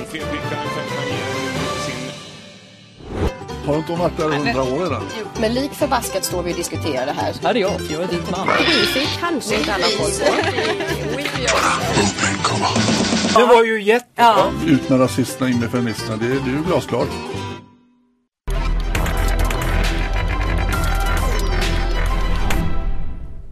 Välkomna tillbaka till stora scenen här på Hotell Rival i Stockholm och till Expressens stora partiledardebatt. Vi eh, ska nu prata om vården och vi börjar med att åka till Oskarshamn. Jag heter Bengt Alsen och jag fick eh, lungcancer andra gången den 20 november. Sen fick jag vänta i 112 dagar på behandling. Nu går jag och väntar på besked Eh, hur behandlingen gick och det är sex månader snart. Jag vill veta, vad tänker ni göra för att förkorta väntetiderna och minska lidandet för människor som drabbas av cancer? Göran Hägglund, socialminister i åtta år har du varit. Vad är ditt svar till Bengt? Att eh, regeringen i den budget som vi lägger nu eh, efter valet så kommer den att innehålla ytterligare förslag för att förstärka den satsning på cancer som vi har jobbat med under många, många år. Eh, det handlar om att, att vi ser väldigt stora skillnader mellan olika landsting. Eh, bor man i Kalmar län så är det så att när det gäller flera olika diagnoser så får man vänta längre än i andra län. Och det här är förstås inte acceptabelt, utan det ska vara så att vi har en jämlik vård i Sverige och vi ska ligga i absolut världsklass när det handlar om cancervården. Var tredje person av oss här inne kommer att drabbas av cancer. Vi behöver en sjukvård som finns nära när det gäller det som är vanliga cancerformer, sånt som är ovanligare, riktigt allvarliga. Det behöver koncentrera verksamheten till färre platser för att kunna erbjuda bästa möjliga vård. Stefan Löfven, vad är ditt svar till Bengt? Eh, ett, det måste till mer resurser, och det tänker vi anslå. Eh, sen ska vi ha en garanti för den som eh, drabbas av cancer måste inom fyra veckor få veta vad är behandlingen, när börjar den och vad är det för typ av behandling. Det går inte att låta människor som drabbas av så tuffa beslut få vänta månad efter månad efter månad på vad som händer. Och då måste man se till att det fungerar på ett helt annat sätt. Fredrik Reinfeldt, varför får man vänta så länge idag? Det är viktigt det Göran Hägglund påpekade, att det är landsting och regioner som styr över sjukvården. Eh, 12 av våra 21 landsting styrs av rödgrön majoritet och jag tror det till exempel handlar om Kalmar. Eh, Medan de övriga då är i alliansstyre. Och det har helt enkelt under alliansstyre väldigt ofta varit så att man jobbar mer med vårdgarantier, med, med att sätta tidsgränser som man sällan då gör där rödgröna styr och också med olika former av vårdvalsmodeller. Men det Göran påpekar som är viktigt är att vi har sett att vi behöver mer resurser just till att följa upp cancerdiagnoser och det beror ju på att vi i vår tid eh, faktiskt kan bota cancer i en utsträckning som bara någon generation tillbaka inte var möjligt. Det är det som är den glädjande utvecklingen. Och det är därför vi får se intervjuer likt det här, att man känner att det här går att påverka. Och då säger vi, skjut till mer resurser. Men svensk sjukvård är decentraliserad. Den här blå valsedeln, ni vet, mellan den gula och den vita, den handlar också om vem som ska styra över sjukvården. Och det är olika i de olika länen. Jonas Sjöstedt. Ja, skattesänkningarna har gått ut över sjukvården också. Vi har eh, en situation till exempel i Stockholm på, i förlossningen där man dirigerar om på kort varsel kvinnor mellan sjukhusen och personalen är väldigt stressad. Vi har en brist på vårdplatser. Vi har väldigt få vårdplatser per person i Sverige. Vi behöver låta sjukvården få de resurser som behövs. Vi har förslag om 1000 fler vårdplatser. Vi har en speciell satsning på förlossningsvården. Vi vill ha en betald specialistutbildning för specialistsjuksköterskor. Vi kommer att få brist på sjuksköterskor på massor med områden om vi inte satsar på dem. Och Det gäller lönen och det gäller utbildningen. Och Sen måste vi ha en mänsklig sjukförsäkring. Människor som är svårt sjuka de har hela oron för sig, sin familj, hela oron över framtiden. Men de har också oron att de kanske kan åka ut ur sjukförsäkringen. Och Jag tycker att det är omänskligt. Jag tycker vi ska ta bort stupstocken och vi ska ha en starkare sjukförsäkring som ger människorna som är så utsatta en rejäl trygghet. Jimmy Åkesson först, sen Göran Hägglund. Alltså, vårdplatserna är ju en, en sån sak som, där vi har försämrat väldigt kraftigt. Trots att Göran Hägglund har lovat fler vårdplatser så har vi fått färre. Nu ligger vi alltså bland, i det absoluta bottenskiktet bland jämförbara OECD-länder. Jag såg en lista i någon tidning häromdagen att vi ligger alltså lägre än länder som Etiopien, Turkmenistan och det är inte länder som man eh, förknippar med någon högre nivå av offentlig välfärd. Så det där är ju ett jättestort problem. Jag var inne på om, om tjejers ohälsa, psykisk ohälsa tidigare. Vi, vi kan till exempel se brist på, eh, på vårdplatser vårdplatser på eh, ungdomspsyk. Eh, unga flickor som eh, vårdas tillsammans med grovt kriminella på grund av brist på vårdplatser. Så här har vi ett, ett gigantiskt problem. Göran Hägglund, ett sådant exempel hörde vi om i veckan ifrån Växjö. Vad svarar du? Låt oss först säga så här att Sverige har aldrig någonsin eh, satsat så stora resurser på hälso och sjukvården som vi gör idag. Vi har aldrig någonsin haft så många läkare som vi har idag. Vi har aldrig någonsin haft så många sjuksköterskor som vi har idag. Vi har aldrig någonsin haft så många vårdcentraler som vi har idag. Vi har aldrig det låter som att du är goda... väldigt nöjd. Nej, alltså det finns saker att förbättra och som vi förbättrar. Men när man resonerar så som man gör på den sidan så finns det en risk att människor får uppfattningen att den svenska hälso och sjukvården i grunden inte fungerar. Och det är fel. Alltså nöjdheten med de medicinska resultaten ökar bland patienterna. Nöjdheten bland de äldre i äldreomsorgen ökar. De medicinska resultaten förbättras. Och sen ska vi titta på det som eh, inte fungerar tillräckligt bra. Men det finns en falskhet på den sidan. Alltså när man talar om att någonting i Sverige håller på att gå sönder, så det som håller på att gå sönder, det är förhållandet till sanningen från de som uttalar den typen av kommentarer. Åsa Romson, är ni falska? Nej, verkligen inte. Jag tycker vi får alldeles för många bilder, både om man själv besöker sjukvården eller från, från medierna, av att det finns väldigt stora brister i vården. Och det är vårt ansvar som politiker, faktiskt, Hägglund, att diskutera vad som då kan göras bättre. Och en av de tydliga flaskhalsarna är ju just eh, sjuksköterskorna. Det är det som bidrar till att vi har tomma vårdplatser, att man inte har personal. Och där finns det dessutom ett väldigt tydligt statligt ansvar att säkerställa utbildning till specialistsjuksköterskor, säkerställa utbildning till barnmorskor, så att man som födande mamma faktiskt kan få en egen barnmorska vid födseln och inte behöver dela den med fyra eller fem andra förlossningar samtidigt. Det är faktiskt ett ansvar som politikerna har. Då ska man inte stå i den här debatten och säga att man är så nöjd att sjukvården är så bra. Ja. Fredrik Reinfeldt. kanske ska påpekas då att vi har 5 200 fler sjuksköterskor nu än 2006. Så vi har haft en kraftig utbyggnad av antalet utbildningsplatser. Det är trots allt så att vi måste förhålla oss till hur Sverige förändras. Jag tycker också att det är väldigt viktigt att säga att den här diskussionen om vårdplatser och jämfört med Etiopien, det är inte alls det bästa beviset hur många vårdplatser man har. Vi ska vara väldigt glada att en hel del av de åkommor vi hade förr och som gjorde att man låg länge inne på sjukhus idag kan botas på ett sätt så att man snabbt får lämna. Det vill säga, att en sjukvård idag inte opererar magsår utan istället använder Losec. Det kan ju vara en grund för att det blir färre vårdplatser, men det gör inte sjukvården sämre. Det ni beskriver det är helt enkelt motstånd mot en sjukvård i utveckling. Så det här är alltså högspecialiserad kompetensbransch som nu utvecklas och som väldigt ofta leder till att man har inte gårdagens lösningar. Det vi har ansvar för, och det har vi tagit, det är att se till att det blir mer utbildad personal och som nämnts fler läkare, fler sjuksköterskor. Det vi har tagit ansvar för är att fler arbetade timmar i Sverige, mm. säkra sjukvårdens finansiering. Det är över 22 miljarder i tillskott till hälso och sjukvården som vi tillträdde 2006, kopplat till att fler jobbar i Sverige. Det är så finansieringen av sjukvården hänger ihop. Tack för det. Fredrik eh, Reinfeldt, han säger så. Stefan Löfven, vad säger du?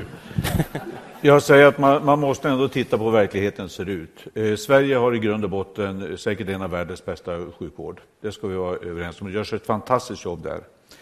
Men det är också stora brister och det är brister på vårdplatser som gör också att cancersjuka barn får åka från län till län för att det finns för få vårdplatser. Det beror inte på att den vården inte finns på det stället, det beror på att det är för få vårdplatser. Låt oss se sanningen i vitögat. Vi behöver satsa mer på, på sjukvården. Annie Lööf. Ja, det finns mycket mer att göra, men låt mig konstatera en sak. För tre år sedan så levde jag väldigt nära mina svärföräldrar. De var svårt cancersjuka båda två. De finns inte kvar i livet idag. Jag har följt vårdkedjan i Sverige på väldigt nära håll. Jag blir upprörd när jag hör den svartmålning som sker av den palliativa vården, av cancerbehandlingar, av undersköterskor, vårdbiträden, läkares insatser. Jag vet att de gör allt för att hjälpa. Och Det är någonting vi måste lyfta in i den här debatten också, att det ser olika ut i landet. Jag hade turen att vara i Jönköpings län som hade en bra och fungerande vårdkedja. Låt oss ta exemplet med Västerbotten. Där styr Miljöpartiet och Socialdemokraterna. Där väljer man att lägga ner akutsjukvården i Dorotea i Norrlands inland och flytta allting längs kusten i Västerbotten. Det blir sämre tillgänglighet, det blir sämre vård. Vården flyttas till de stora städerna och lämnar landsbygdsbefolkningen till sitt öde. Vi ska komma vidare lite grann. Jonas Sjöstedt, i förra veckan skickade du ett brev till ett antal direktörer. Du föreslog att de ombildar sina företag till eh, så kallade SVB-bolag, bolag som inte får ta ut vinst. Och detta uppfattades som ett hot av många. Men är det realistiskt? Ja, det är klart det är. Vi ska ju ha en sjukvård som man kan lita på. Vi ska ha skolor som man kan lita på och då kan vi inte sätta vinstjakt och kortsiktighet före utbildning och sjukvård. Jag ska ta två konkreta exempel. Samtidigt som ni satt i Maramö och tappade grillkorv i elden så höll JB-koncernens skolor på att gå i konkurs i Jönköpings län på grund av er politik. Bara häromveckan så gick fyra vårdcentraler i konkurs i Jönköping därför att man har det kortsiktiga vinstintresset som ledstjärna. Vi måste ju få en sjukvård som vi kan lita på. Och jag håller med dig, Annie Lööf. De som arbetar i sjukvården de gör ett fantastiskt arbete. Men om vi låter alla pengar gå dit de ska, då får de fler arbetskamrater. De kan få högre lön, de kan få rätten att arbeta heltid och det är de värda. Jan Björklund, vad säger du om Jonas Sjöstedts brev och det han nu säger? Problemet för de vårdcentraler och skolor som går i konkurs är ju inte att de går med vinst. De går med förlust. Det är ju det som är problemet, Jonas Sjöstedt. Och du måste ju förstå att om man säger så här att det är förbjudet för företag att gå med vinst, Ja, ursäkta mig, men då kommer det inte finnas några företag. För av och till så går företag med förlust och när man ska bygga upp ett företag och starta ett företag så måste man skaffa lokaler, anställa personal, köpa in skolböcker eller läkemedel eller vad det nu kan vara för verksamhet. Och då tar man ju en risk. Man vet ju inte om man får tillbaka de pengarna och jag lovar dig, det kommer inte vara någon överhuvudtaget som startar företag om det bara är tillåtet att gå med förlust. Det kanske inte är ett problem för dig, men, men, men, för du vill inte ha några företag överhuvudtaget. Men vi som tror på mångfald, vi som tror på mångfald måste ju förstå detta. Och vinst är ju en drivkraft. Pröva själv. Gå ut och ställ dig på Mariatorget och sälja lotter. Det här är ett jämlikt lotteri. Vi har inga vinstlotter, bara nitlotter och tal. Och du får inte sålt en enda lott. Jan Björklund, skillnaden är mellan dig och mig att jag vill inte att skola och sjukvård ska vara ett lotteri. Och det är du som har skapat en lotteriskola där det beror på vilken skola man börjar i om man får en bra utbildning eller inte. Och det är alldeles, alldeles orimligt att lärare som vi har betalt för sticker iväg till skatteparadis för riskkapitalbolag. Det är ju det som är det stora lotteriet idag. Den skola som du har startat, där finns lappen på dörren. Stängt, konkurs. Vi tar inget ansvar för din utbildning. Och Sverige har ju blivit en nyliberal experimentverkstad. Och en sak kan man vara säker på. Får de här fyra makten, fyra år till, om olyckan skulle vara framme mot alla odds, då kommer fler vårdcentraler, fler sjukhus, fler förskolor, fler skolor att försvinna till det privata vinstintresset. Då får vi ingen trygg välfärd längre, utan då får vi en välfärd som fördelas efter vinstintresse, inte efter behov. Så här, vi tycker också att riskkapitalbolagen är olämpliga ägare, man ska ha långsiktiga ägare. Men Jonas Sjöstedt, de enda som lovar nedläggning av skolor, det är du. Skolor för 160 000 elever kommer att läggas ner om du får makten. Det är det du säger, de ska förbjudas, de, här, de ska bort. Man är- De vet inte vart de ska ta vägen nästa läsår om du får bestämma. Och det är ett väldigt viktigt budskap till Sveriges skolelever och föräldrar. I Norge, i Norge gjorde man precis det du sa att vi skulle göra här. Och där har det blivit mer ordning på skolan. Och det är betydligt bättre resultat än vad du har i din skola om man ser på utvecklingen. Åk till Finland, där har man inga riskkapitalbolag som kan lägga ner Nej, skolor man har betyg från fyra. Det är upprörda känslor. Nu slänger vi in Stefan ja, Löfven här. Jo, det är upprörd. Eh, skillnaden här är att ni betraktar skolan och vården som en marknad vilken som helst. Och det gör inte jag. Eh, Det är därför det är okej också för privata vårdgivare att dra ner på personalen även där. 10, jo, 10 procent eh, lägre eh, personaltäthet, lägre löner. Och det är det som uppstår om man säger att "Nej, men det här är en marknad vilken som helst och dela ut En pengar till dem och så helst. får de ta pengarna i sin, till sina bankkonton. Det är inte okej. Vi måste ha tuffa kvalitetslagar som alla får möta där det inte är okej att dra ner på personaltätheten för att göra vinst. Varför tycker ni det är viktigt att de får dra ner på personalen för att göra vinst? Jag- Annie Lööf först. Jag vet inte vilken fantasivärld du lever i, Stefan. Låt oss ta ytterligare ett konkret exempel från verkligheten. Bollnäs sjukhus. Där la Socialdemokraterna, de stämde sig för att lägga ner detta sjukhuset. Vet ni vem som tog över detta? Riskkapitalbolag. Och vet ni vad det sjukhuset nu är? Det är bland de bästa sjukhusen i hela landet. Och snacka om lotteri, Jonas Sjöstedt. Om man föds till man eller kvinna så är det skillnad i Sverige i synen på företagande. Får man är man, driver upp ett byggföretag, bygger sjukhus, så finns det inga problem i vänsterns Sverige att både driva företag och gå med vinst. Men är man kvinna och är sjuksköterska, öppna upp sitt äldreboende eller sin hemtjänst, då är det fult att vara företagare. Det är fult att tjäna vinst. Förklara det för mig. Var, hur kan du säga att du är feminist? Annie Lööf, jag tycker att du ska titta på ledningen. Du ska titta på, du ska titta på era kompisar i riskkapitalbolagen. Ni ska titta på era vänner och bekanta som ni har sålt ut välfärden till. Ta Borelius. Honom känner ju. Han sitter i ert råd. Han, han, blir miljonär på, på äldreomsorgen genom att ha underbemanning. Se vem äger riskkapitalbolagen? Vem sitter i ledningen? Tror att det är kvinnor som gör det? Det är bara män som sitter där och det är riskkapitalbolagen som styr. Och den enda gång, den enda gång jag hör dig tända till och visa lite glöd när du pratar om jämställdhet, det är när du försvarar direktörer. Jag önskar du kunde visa en gnutta av den där glöden i alla fall. En kort replik där, Annie Lööf, sen ska vi vidare. Jag är glad att du ser min passion för att fler kvinnor startar företag. Jag är glad att du ser min passion för att jag ser män och kvinnors lika möjlighet till makt och inflytande. Vad du gör, det är att du vill låsa in kvinnor i offentliga monopol. Stå vid din läst, Fortsätt vara anställd, du ska inte få byta arbetsgivare och du ska gud förbjude inte driva företag. Det är vad du säger. Du låter kvinnorna i vården betala med sämre arbetsvillkor, med deltider och med otrygga jobb. Du vet att privatiseringens pris är att de får lägre lön, mer otrygga jobb, fler delade turer. Det är ju så statistiken ser ut. Du låter hundratusentals kvinnor i välfärden betala priset för det här privatiseringsexemplet. Åsa Romson ska få kommentera det här att också. det är lite osmakligt, Annie Lööf, att du säger alltid när du nämner kvinnors företagande, ja då är det kvinnorna, de ska bara driva företag inom vissa sektorer. De ska inte driva företag inom alla sektorer. det finns Utan det är så fort det kommer till vård, till vård, skola och omsorg, ja då är det plötsligt alla kvinnliga företagare. Så så fort man säger att det inte är vilken marknad som helst, med våra skattepengar i skolan, i vården, i omsorgen, ja då är det plötsligt ett argument mot kvinnor.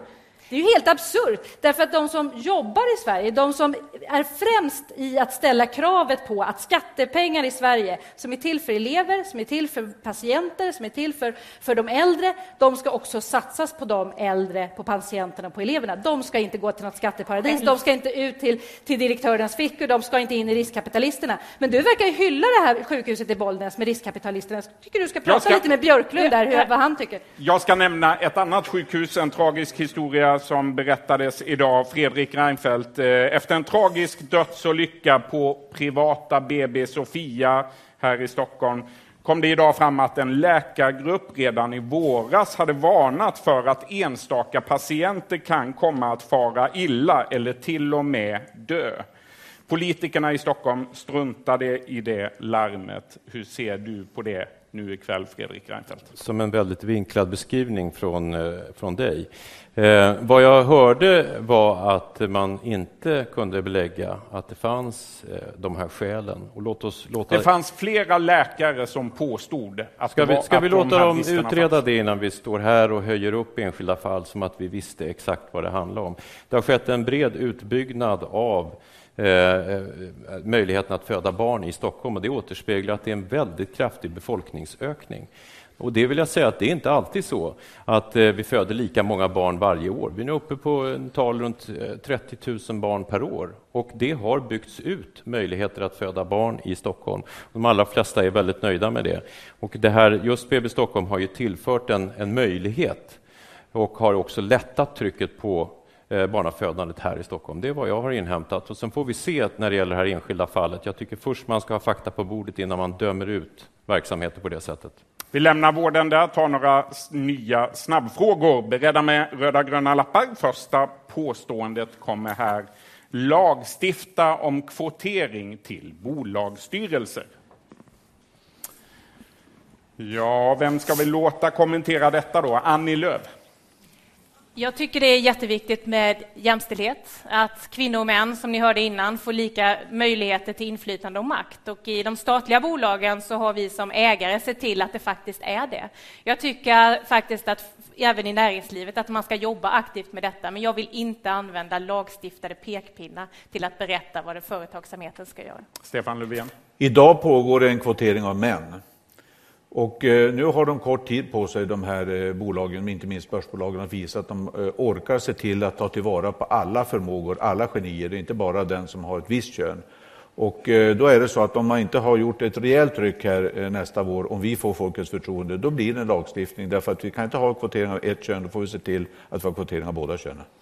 Ett påstående till då. Sverige borde i framtiden ansöka om att få arrangera olympiska spel.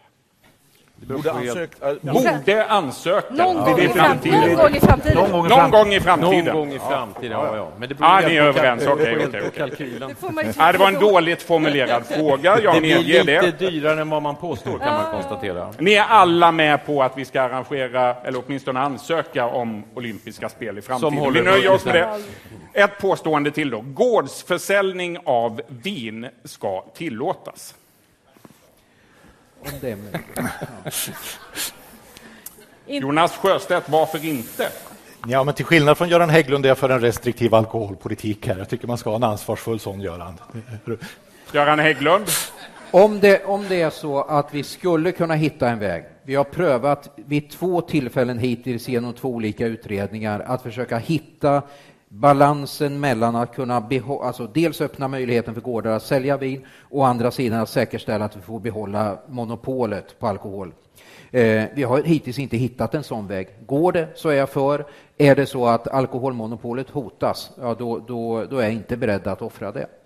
Jag lovade tidigare att barnen skulle få komma tillbaka. Här är de, barn och politik. Varför tillåts det att göra alkohol, cigaretter och snus? Ja, samma tema, Göran Hägglund. Varför tillåts det överhuvudtaget? Ja, eh, jag tror att en, en del av de här, om de kom fram idag, så skulle det nog leda till en väldigt stark diskussion. Men idag så, så är det ju både så att det finns många människor som, eh, som uppskattar ett glas vin till maten, eh, en öl eh, som har funnits eller bryggts i, i eh, många, många hundra år. Eh, det finns traditioner omkring det här. Och det är väldigt svårt att se att någon skulle driva kravet att det skulle förbjudas. Jimmy Åkesson, borde vi inte förbjuda sånt som är uppenbart farligt? Jo, det borde vi. Du Men, tycker eh, det? Ja, alltså det, ja, frågade du vad vi borde göra. Ja, det är klart, att jag tror alla tycker innerst Har du den politiken? Nej, det har jag inte däremot. Jag vet att vi har drivit det. Det finns lite olika idéer om att man ska försöka fasa ut tobak till exempel genom att man förbjuder det vid ett visst år. Jag vet att det är något land som är på väg att införa det nu, så det, det låter väl sunt. Men jag tror tyvärr är det inte genomförbart. Åttaåriga Majken, hon ska få ställa en fråga också. Varför får inte barn bestämma lika mycket som vuxna får? Ja, Åsa Romson, varför får inte barn bestämma lika mycket som vuxna? Ja, bland annat därför att eh, Sverige inte infört barnkonventionen helt och fullt. Eh, då skulle ju barn i större utsträckning få bestämma mer, därför det är en av de viktiga paragraferna där som säger att allt efter barnets mognad så ska de också få inflytande över sitt liv och sin vardag. Och vi tycker ju att man i flera, ja, på skolor och på, eh, inom samhällen och även på kommuner kanske skulle få tidigare vara med och bestämma och ta ansvar. Oerhört många unga och eh, ungdomar idag är väldigt insatta i, i sin omgivning och vill vara med och påverka. Fredrik Reinfeldt, vem bestämmer hemma hos dig? Är det du eller barnen? Ja, det är i hög utsträckning naturligtvis barnen och eh, dessutom så har vi möjligheter. Jag själv är elevrådsordförande vid 11 års ålder. Jag ber om ursäkt för att jag avslöjar denna eh, pikanta detalj. Men det eh, illustrerar ju att det visst finns ett inflytande. Frågan handlar ju om varför man inte har samma inflytande som vuxna. Och det är beroende på att vi har respekt för att barn under de första åren i livet inte ska mötas av samma ansvar eh, som man har när man blir myndig och vuxen. Låt dem ha den tiden, de behöver den. Det kommer andra dagar senare i livet. Stort tack till de fantastiska barnen. Dags nu för kvällens sista stora ämnesblock i denna partiledardebatt. Vi ska nu prata om det som händer i vår omvärld och hur det påverkar oss. Rana Sino har en fråga. Hej, jag heter Rana. Jag kommer till Sverige 2013. Jag studerar svenska Eh, för att eh, få ett jobb. Hur eh, ska ni hjälpa flyktingar att bli en del av det svenska samhället? Ja, frågan om flykting och invandringspolitik är det sakområde som ökat mest i betydelse för väljarna inför det här valet. Det visar Ipsos mätning som presenteras i Dagens Nyheter idag. Fredrik Reinfeldt, det har gått ett par veckor nu sedan du höll ditt sommartal i Stockholm. Du vädjade till svenska folket om att öppna sina hjärtan. Vilket är ditt svar till Rana? Ni hörde hon kom 2013, hon kan alltså redan tala svenska språket. Vilken fantastisk utveckling. Titta vad människor anstränger sig för att komma in i det svenska samhället. Och vilken glädjande utveckling att 200 000 utrikesfödda fler arbetar idag jämfört med 2006. Vi har infört en arbetskraftsinvandring. Vi har skapat en generös asyl och migrationspolitik tillsammans med Miljöpartiet. Vi har faktiskt kanske den mest öppna asyl och migrationspolitiken i hela den utvecklade världen. Det här är en vägval om vilket land vi ska leva i. Det var därför jag sa öppna era hjärtan, för det står nu på spel. Det är nu det avgörs om vi ska fortsätta den här utvecklingen, att bli som länder som Tyskland, Storbritannien, USA, metropoler som attraherar människor att komma från olika delar av världen och kommer in i det svenska samhället. Vi blir det som alla människor som kommer till Sverige gör det till. Det spelar alltså ingen roll vilka som är födda här. Det här landet byggs av de människor som kommer hit och det har vi gjort möjligt. Vad gör vi för, eh, för personen här? Ja, naturligtvis så vet vi att Dels har hon lärt sig svenska språket, dels så handlar det om att nu vi för dem via en etableringsreform direkt till Arbetsförmedlingen, att vi gör större ansträngningar för att man ska snabbt komma i jobb. Man får jobba under asylsökningsprocessen, det fick man inte tidigare. Vi ger kraftiga rabatter till arbetsgivare för att anställa den som kommer in under de här betingelserna. Och som sagt, återigen, många av de företag som har startats, startas av människor som kommit från andra länder. Det blir ofta också en arbetsmarknad i sig anställer gamla landsmän. Så det finns hopp nu på ett helt annat sätt än vad det fanns förr. Då var det mer omhändertagande. Mm. Viktig framtidsfråga för Sverige. Jimmy Åkesson, hur eh, vill du hjälpa flyktingar att bättre komma in i det svenska samhället? För det första så ser jag ingen som helst poäng med att Sverige ska bli vare sig som Tyskland eller USA, utan jag tycker Sverige ska vara Sverige och inte något annat land.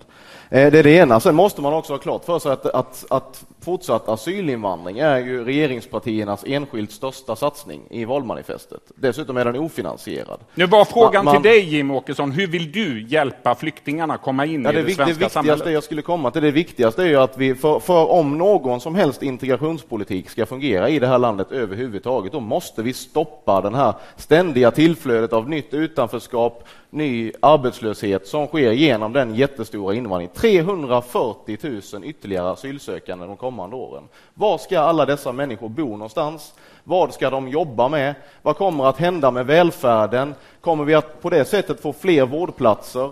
Kommer vi på det sättet att få en högre kvalitet i äldreomsorgen? Jag ifrågasätter detta väldigt starkt. Stefan Löfven först och sen eh, kommer Alliansen. Ja, här har jag eh, samsyn med, med Fredrik Reinfeldt. Alltså Sverige Åkesson, ska inte kännetecknas av enfald utan av mångfald. Ja. Vi har människor som kommer från andra länder, de flyr för sina liv. Det är inte så svårt att se vad som händer i Irak, Syrien. De flyr hit för sina liv. Då ska vi vara solidariska och ta emot dem med öppna armar. Och det ska vi verkligen stå upp för att se. Sverige är det solidariska landet. Sen måste flera ta ansvar. Det är fler kommuner i Sverige som måste ta ansvar. Det är fler, De länder, det, det är fler länder, nej, inte alla gör det. Det är fler länder i Europa, i EU, som måste ta ansvar. Och vi måste se till att det är jobben. Det är jobben, jobben, jobben. De här människorna kommer ofta med lika hög andel högutbildade som vi redan har i landet. Men de tas inte tillvara. Vi måste ha mycket, mycket bättre, effektivare validering som ett exempel. Kommer en läkare eller en ingenjör, eller vad, många sådana har kommit till oss, då har vi sett hur många som helst som kör taxi, de kan göra annat. De kan vara just läkare och ingenjörer om vi ser till att validera deras kunskap och guida dem rätt med språkutbildning och vad den kan vara. Det är jobben som gäller, då vi ska ta tillvara på denna enorma rikedom som dessa människor utgör. Kort replik på det Jimmy. Alltså så här, Sverige har alltid haft invandring och Sverige kommer alltid att ha invandring. Problemet nu är att om man inte sköter invandringspolitiken, om invandringen är för stor, då behöver man integrationspolitik. Och det är därför vi har en integrationspolitik idag och det är också därför som integrationspolitiken inte fungerar, därför att invandringen är för stor. De här förslagen som alla har här, de har jag hört i så många år och ingenting fungerar. Kan ni inte bara förstå att vi måste också minska invandringen för att vi överhuvudtaget ska kunna hålla ihop Annie Lööf. Det här är ganska symptomatiskt när man hör Sverigedemokraterna. Varje gång jag har ställt frågor om integration, hur ska vi få människor i arbete, så svarar de något helt annat. Nu lyckades Jimmie Åkesson säga integrationspolitik tre eller fyra gånger när han hade ordet senast. Inte en enda gång fyllde han det med innehåll om vad Sverigedemokraterna vill göra för alla de människor som kommer hit för att de ska kunna starta företag eller komma i arbete. Det är mycket märkligt. Sverige är byggt på solidaritet och mångfald. Vi har importerat både kungar och kåldolmar, skriftspråk och, eh, allt, och företagsledare. Vi är byggda på människor som kommer hit med sina erfarenheter och sina idéer. Då handlar det inte om att stänga dörren, låsa och kasta bort nyckeln, utan se till att flyktingmottagandet funkar. Att precis som Fredrik sa, att det inte blir ett omhändertagande, utan att det blir ett startblock in mot jobb, språkutveckling och att komma in i ett in integrationsarbete. Det är det som är nyckeln. Fast, Jobben fakt, är faktum, nyckeln. Faktum Vad vill du, Jimmy Åkesson, kan du inte svara? Vad har Sverigedemokraterna för integrationspolitik? Fakt, Vad är det för faktum. insatser som du vill göra för att dessa människor ska komma i jobb? Faktum kvarstår Svara. här, faktum kvarstår här att det, det, det som din egen statsminister nu har sagt, det är att vi kan inte, det finns inte pengar att laga hålen i den svenska välfärden. Människor i Sverige svälter ihjäl i äldreomsorgen. Varannan på äldreboenden sägs vara undernärd. Vi har alltså färre vårdplatser i förhållande till befolkningen än länder som Etiopien, Turkmenistan.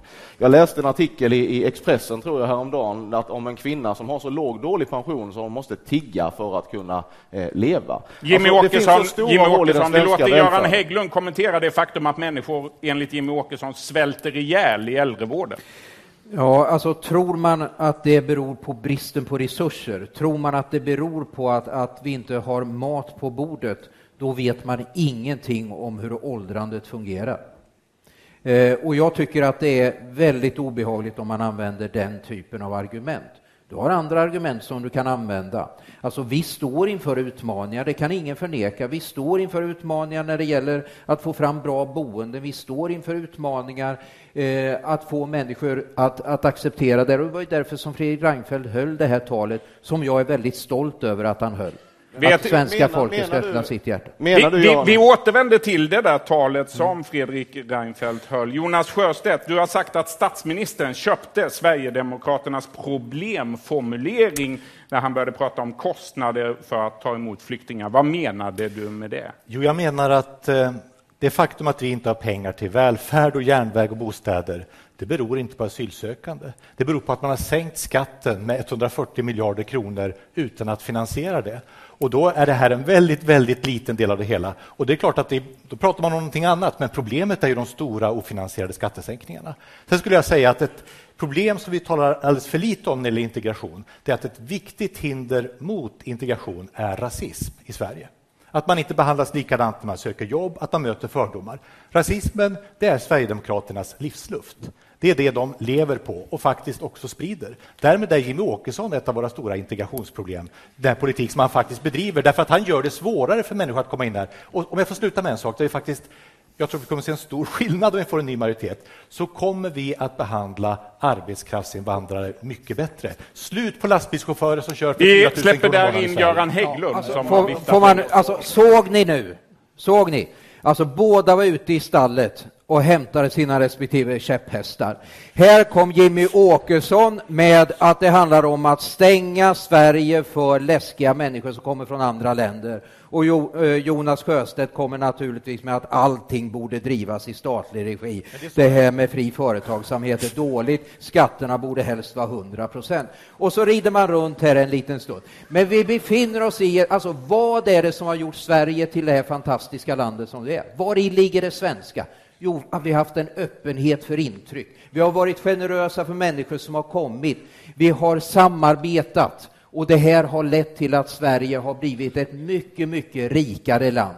Vi ska inte blunda för att det kortsiktigt kan bli bekymmer här och var, men de måste vi lösa tillsammans. Det här gör Sverige till ett rikare och bättre land och jag vill gärna fortsätta. Men Åsa Romson först och sen statsministern. Fantastiskt, fantastiskt att höra. Göran Hägglund ibland faktiskt, du är en väldigt bra berättare. Tack. Ibland. Eh, väldigt intressant. Jag tror att en bild så måste vi höja blicken. Vi måste se den globala världen. Vi har aldrig sedan andra världskriget haft så många på människor på flykt i världen. Det är klart att en del människor kommer hit och jag tycker att det är väldigt bra. Jag hoppas att familjer i Sverige kan återförenas, finna kärleken och orka gå vidare och skicka sina barn till skolan. Men vi ser att vi har ett Europa som har stängt dörren. Och för de 2000 flyktingar som har försökt att ta sig över Medelhavet men drunknat på vägen till Lampedusa så skulle jag vilja att Sverige är de som driver på för lagliga vägar till, till Europa. Att man har möjlighet som flykting att faktiskt söka sin mänskliga rättighet, asyl, även utanför Europas gränser eller via hum, humanitära visum ta sig till Europa. Det är en skam i dagens Europa att vi har de här stängda gränserna mot flyktingar som aldrig har haft det svårare i världen. Håller du med Jan Björklund? Så um, 700 000 invandrare går till jobbet varje dag i Sverige. De tjänar pengar, de betalar skatt, de lever inte på bidrag, Jimmy Åkesson. 700 000. 70 000 av dem är småföretagare. De sysselsätter en kvarts miljon människor. Utan dessa invandrare skulle Sverige stanna. Ni talar alla som där borta som att det är bara kostnader. Jimmy Åkesson tycker det är för dyrt och Sjöstedt säger att vi borde höja... Sjöstedt, ja, inte alla, men nästan Nej. alla utom Åsa. Men, och Sjöstedt säger, Sjöstedt säger att man måste höja skatten. Men liksom, det, är ju inte, det här bidrar ju till Sverige. Vad Fredrik Reinfeldt sa var ju att det är klart, på kort sikt så finns det en integrationskostnad. Men så fort det där inledningsfasen är över så bidrar ju invandrarna till Sveriges välstånd och har alltid gjort. Jan Björklund, det påståendet du upprörde måste- Stefan Du Löfven. måste skärpa till dig, Björklund. Det är Åkesson som har talat precis som du anklagar oss för. Sjöstedt- Anklaga Sjöstedt inte mig för att ha samma uppfattning. Jag är väldigt tydlig på att Sverige ska ta emot flyktingar. Våra, de som kommer från andra länder är en stor tillgång för Sverige. De kommer att bidra, de bidrar redan nu, kommer att bidra ännu mer. Anklaga inte mig för det. Det är ett lågvattenmärke. Varför, Stefan Löfven, kritiserar du Fredrik Reinfeldt då när han sa detta nu, att vi måste öppna våra hjärtan och också vara beredda att på kort sikt så kostar det det. Varför kritisera? Nej, inte av ska Men just samma det. som Sjöstedt, för du Och jag börjar hänga på med skattesänkningar direkt. Ni vill höja skatten. Så detta är, det är en Ja. vinst för Sverige på lång sikt Ja, precis. att ta emot det är precis det Ja, jag men vi- säger. Ja. Det är ju inget konstigt med Men då behöver du ju inte höja skatten. Vi har ju under 60 och 70-talet sett hur människor har kommit från forna Jugoslavien, från, från andra delar av Europa. På 70-talet kom det människor från Chile, Argentina. En del blev kvar här, en del åkte hem. Det är klart det är en rikedom för Sverige. Nu kommer människor från ytterligare andra länder. Ja, det är en rikedom. Låt oss ta tillvara på det. Det som vi ska ha ordning på dock, det är just arbetskraftsinvandring, för vi måste få mer ordning och reda och se till att de människor som kommer från andra länder har samma villkor som här. De ska inte ha svältlöner, de ska inte bo i någon källare. Vi måste se till att få för bindande erbjudanden när de kommer hit, så kan vi ta hand om dem på samma fina sätt. Tack för det, Fredrik Reinfeldt. Sverigedemokraterna lutar sig mot rasism och främlingsfientlighet, har du sagt. Är Jimmy Åkesson rasist? Eh, det vet jag inte, men eh, tycker ni det var ett häpnadsväckande uttalande? Eller? Eh, det har väl visats gång efter gång att detta naturligtvis är ett parti som alla förstår vad de lutar sig mot. Får jag säga att eh, Sverige har inte alls alltid bara haft invandring. Vi har också sett stor utvandring från det här landet. Vi såg en miljon, mer än det, lämna Sverige från fattigdom i sena 1800-talet. Det är en fantastisk bokserie som har skrivits om detta, som har blivit en av våra bästa musikaler, som försöker berätta något för svenska folket. Det är bra att det finns en öppen värld när man behöver fly. I det fallet var det svenskar som flydde till USA. Nu gör vi motsvarande att stå öppen i en tid, och det är precis som Åsa Romson skriver, eller säger, vi har inte haft den här situationen på 70 år. Vad jag då försöker säga, det är att vi ska också vara öppna med att det kommer bli väldigt många på kort tid. Jag tycker att det är intellektuellt hedligt att säga att i en del fall kommer det leda till diskussioner. Hur fungerar detta? Vet ni att vi redan har 11 000 som har tillstånd att stanna i Sverige, som nu är fast på olika former av anläggningsboenden, därför att vi har svårt att få fram bostäderna, därför att vi har svårt att få vår integration fungera på det sätt vi skulle vilja. Och då kollapsar Syrien, då kollapsar Irak, Libyen, då har vi krig i Ukraina mellan reguljära styrkor. Det kommer att komma fler. Och då vill jag bara säga, skälet till att jag säger öppna våra hjärtan är att vi har gjort det här förut, men nu kommer en prövning. Låt oss tillsammans ta oss igenom den, skapa utrymme för att komma in i det svenska samhället, då kommer det här bli bra. Men ta inte för givet att det är enkelt. Beskriv det inte bara som att det bara kommer av sig självt, för det gör det inte. Det är därför vi i den här fantastiska boken vi har skrivit säger mer undervisning snabbare, mer insatser för att också hjälpa dem snabbare in i arbete. Det handlar om att också skapa förutsättningar för de människor som kommer hit att få ett bra liv. Tack för det. Jimmy Åkesson, replik. Jag tycker att det är bedrövligt. Nu har vi hört dels statsministern prata om rasism, vi hörde alldeles nyss Jonas Sjöstedt, vi hörde Stefan Löfven i sitt Almedalstal kalla människor i det här landet som är oroliga för detta för rasister eller andra fula saker. Jag tycker det är bedrövligt. Det visar en så total brist på respekt, total brist på förståelse för hur många människor känner i det här landet. Människor är oroliga för sina jobb, de är oroliga för sin pension, de är oroliga för välfärden generellt, de är oroliga för att den by som de bor i med kanske 500 invånare plötsligt ska växa med ytterligare 300 invånare genom att Bert Karlsson kommer och köper upp ett hotell och startar flyktingboende. Människor är oroliga i detta land. Och det kan man inte kalla för rasism. Det är bedrövligt. Vi måste sluta med den här rasiststämplandet. Vi måste kunna ha en saklig diskussion kring de här frågorna. Stefan Löfven. Det är självfallet så att inte de flesta är rasister, det är alldeles uppenbart. Eh, och det är klart att man kan diskutera detta, jag säger ingenting om det. Det jag säger är att det finns bara ty tydligen denna kostnad som är intressant. Och det är inte de som kommer hit och flyr för sina liv som ska ställas mot välfärden. Det är de skattesänkningar som du har varit med och drivit igenom som ska ställas mot välfärden. Vi kommer att, naturligtvis att ha en stor tillgång i dessa människor som kommer från andra länder. De kommer att hjälpa oss precis som alla andra har gjort förut. Och du har inte ett enda förslag på hur detta ska gå till. Det är det vi ska jobba med. Jag säger att jag tror att båda majoriteten, den här regeringen och de före dem som, som vi också styrde, har inte gjort detta perfekt. Men vi måste se till att göra det så att vi faktiskt får ta del av den tillgång som dessa människor är. Ni har Göran Hägglund. detta fullständigt. Göran Hägglund Nej, men jag, jag, alltså Stefan säger många kloka saker här, men det, det är ju så, eh, alltså det som Jimmy Åkesson säger, det är att många människor är oroliga och det, det måste vi ta fasta på. Alltså, vi måste ju visa hur, alltså, hur Sverige genom åren har kunnat haft en öppen dörr. Vi har kunnat få människor komma till vårt land, vi har kunnat erbjuda någonting som vi skulle vilja att andra erbjöd oss om det var så att vi tvingades fly från vårt eget land.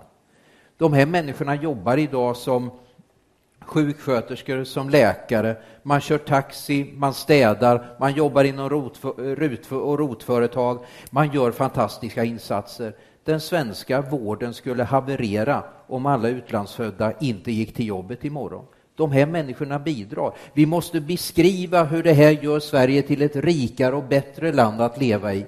Och då finns alternativet, det som Jimmy Åkesson står för. Skapa oro, förstärk fruktan, skapa bilder av det okända. Den vägen vill inte jag gå.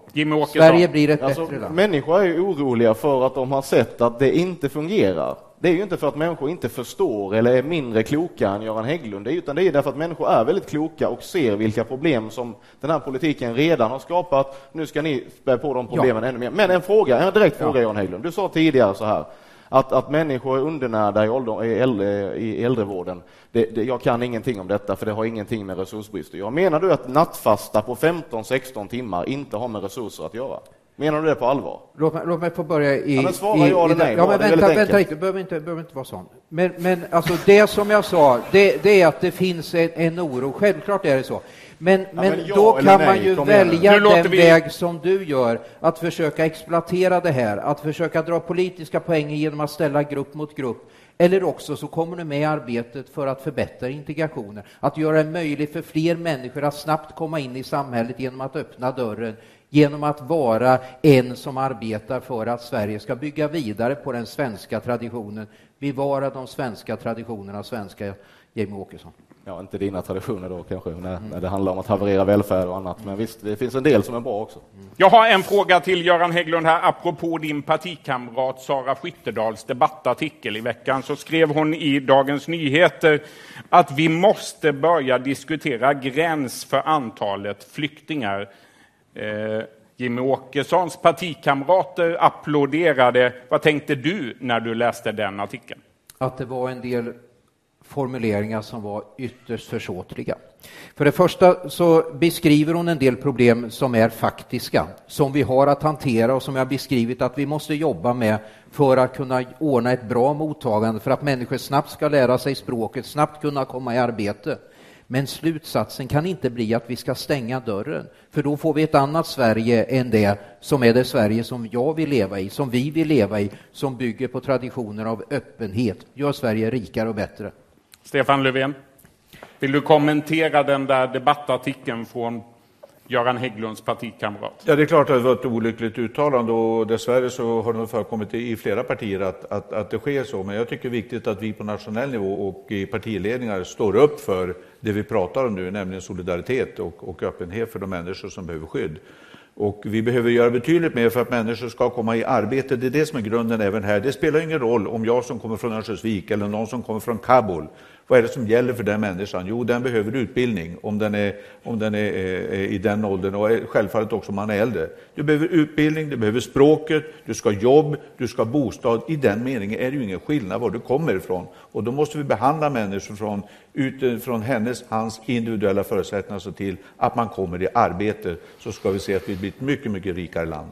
Vi ska alldeles strax eh, hälsa på i baren igen där tre tidigare partiledare följer den här debatten. Men först ytterligare några snabbfrågor. Röda och gröna lappar fram. Första påståendet kommer direkt då. Återinför allmän värnplikt.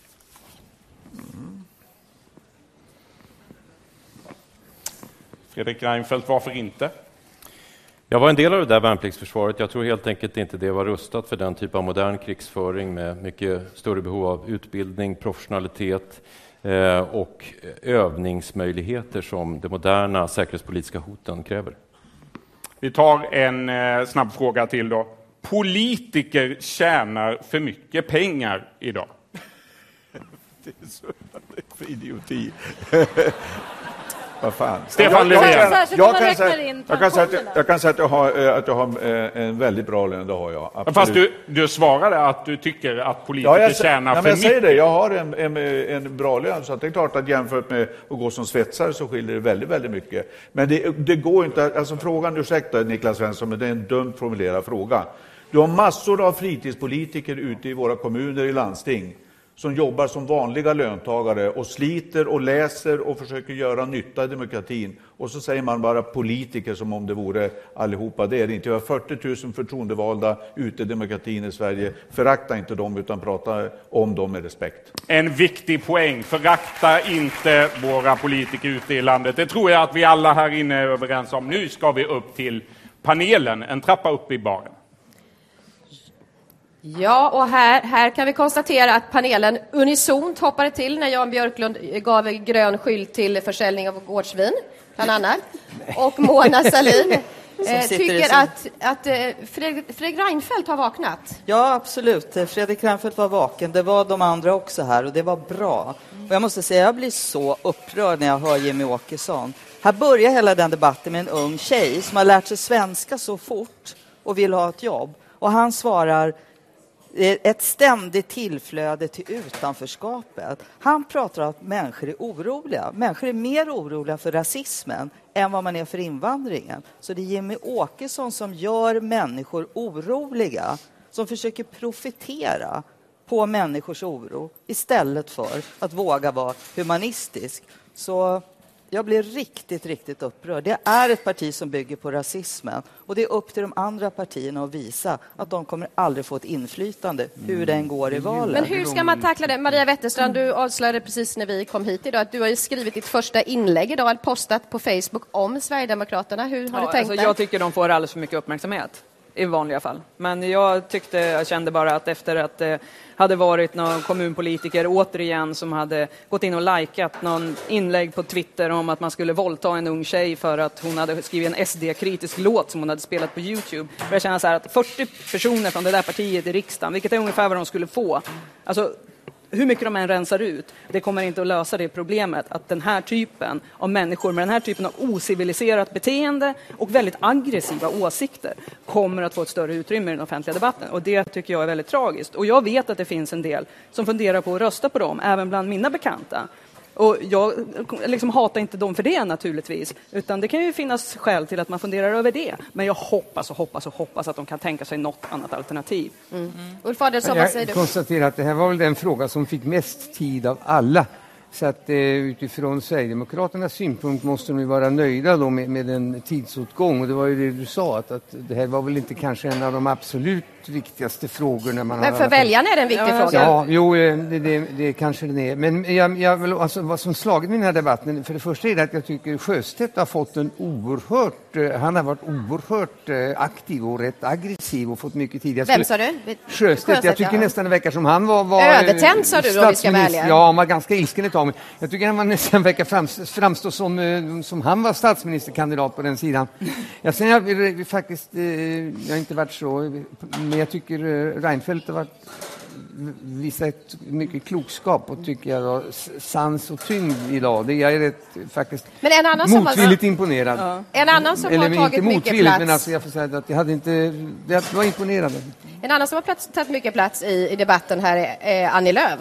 Ja. I den här andra akten speciellt. Vad, vad innebär det för Centern nu i slutspurten tror du Mona? Ja, vi, vi, får väl se. Hon, hon har visat framfötterna tycker jag, i många debatter. Alltså i den meningen att ta för sig och höras och synas. Eh, Men, vi- jag, men vi alltså får det. Som jag, det, som, det finns, det finns några trick mycket. som man använder i såna här debatter. Ja. Ett trick det är ju att man påstår att motståndaren har en viss åsikt och sen argumenterar man emot den väldigt bra, trots att motståndaren kanske inte ens har Ge ett den exempel åsikten. härifrån då. Ehm, ja, men det var lite från högersidan där faktiskt, där man påstod att vänstersidan var eh, emot valfrihet i skolan till exempel, och så argumenterar man emot det, vilket ju de flesta på vänstersidan eller rödgröna sidan inte är. Men så finns det ett annat trick och det är att beskriva ett problem på ett väldigt fint sätt och låta det vara underförstått att ens egna åsikter då löser det problemet.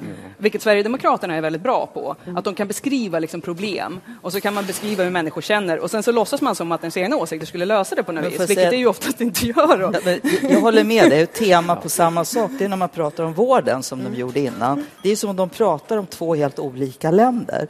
Det, det ena stället är det jättebra vård och på det andra så är det oerhört dålig vård. Så det här är också kampen om Ja, men det är verklighetsbeskrivningen. väldigt mycket det, den alltså. som beskriver Ja. Sverige som väljarna uppfattar den. Det behöver inte vara samma sak som hur verkligheten är. Den Men där gjorde Fredrik. Reinfeldt några riktigt bra grejer, för han gick in och förklarade några saker, hur det låg till liksom med vården och så här, och det gillar jag. Alltså jag tycker Fredrik Reinfeldt överhuvudtaget har Men- varit bra på det i den här diskussionen. Fredrik Reinfeldt, när han fick frågan om den här tragiska eh, händelsen på BB, BB Sofia däremot, så börjar han med att vända taggarna utåt Ja. istället för att kanske beklaga. Ja, vad jag vad tror du att det är? jag jag reagerade lite att han inte sa att det, det är hemskt när en så ung kvinna dör i vården. Men det sker ju tyvärr på fler än ett ställe. Och det är klart att man måste vänta och se vad just det här fallet betydde. Men man kanske Ja, borde jag ha har- beklagat. Det kan, jag, det kan jag hålla med dig om, men man blir ju också som du vet rätt Nu provocerad. får vi fortsätta. Vi kommer tillbaka fråga från ställs, alltså. panelen här så småningom. Mona, Ulf, Maria, ner på scen igen så ses vi igen. Ja, välkomna tillbaka till stora scenen. Vi har kommit fram till partiledarnas valtal. Förutsättningarna är enkla. Var och en får 60 sekunder på sig för att övertyga just dig som tittar på det här. Ordningen den lottades i torsdags i eh, direktsändning i Expressen TV under övervakning av notarius publicus, advokat Björn Sandin. Kommentera gärna det som sägs i denna sändning. Hashtaggen på Twitter, barpool. Först ut nu Centerpartiets partiledare Annie Lööf. Varsågod, en minut, kameran är där. Vi vill se att fler jobb växer fram i hela landet. Vi vill vända utvecklingen i bruksorter. Vi vill se till att skapa framtidstro på gles och landsbygder och vi vill se fler växande städer. Då behöver vi se till att låta småföretagen gro. Genom sänkta kostnader, minskat krångel, så får vi fler jobb att växa fram. Jag vill sänka kostnaden så att fler unga får jobb. Jag vill också se till att företagen kan skapa just den framtidstro som vi behöver i hela landet. Utöver jobb och företagande så driver jag på för mer förnybar politik. Jag vill se ett offensivt paket för miljö, klimat och mer förnybart. Det har vi inom Alliansen. Det är det vi går till val på. Vi ska vara världsledande på det här området. Röstar du på Centerpartiet så röstar du för en mer närodlad politik där du får bestämma mer själv.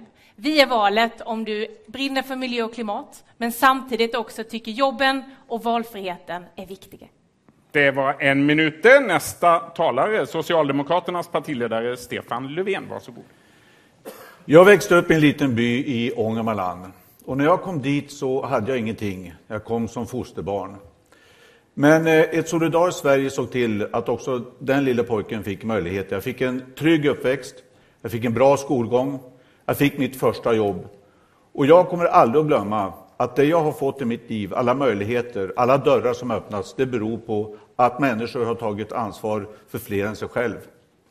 Nu kan du välja. Endera så fortsätter vi högerpolitiken, sänka skatter, privatisera. Eller så går vi på förändring. Och jag vill att vi investerar tillsammans. I jobben, i skolan, i välfärden och ser till att den fungerar och åstadkommer riktig förändring. Öppnar dörrar också för barn som kanske befinner sig i samma situation som jag själv. Så jag vill inte göra detta åt dig. Jag vill göra det tillsammans med dig. Du som vill förändra, rösta på Socialdemokraterna. Tack för det. Nästa talare, Kristdemokraternas partiledare Göran Hägglund.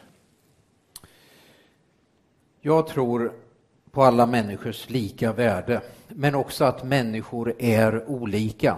Och därför eftersträvar jag och mitt parti ett samhälle där alla människor får synas och där alla människor har lika möjligheter. Men vi människor är också olika.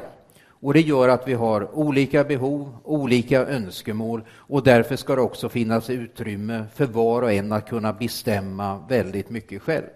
Det här spelar roll för vår syn på familjen, barnomsorgen, föräldraförsäkringen, att familjerna kan själva. Är man vuxen nog att sätta barn till världen så kan man också bestämma över sin egen vardag.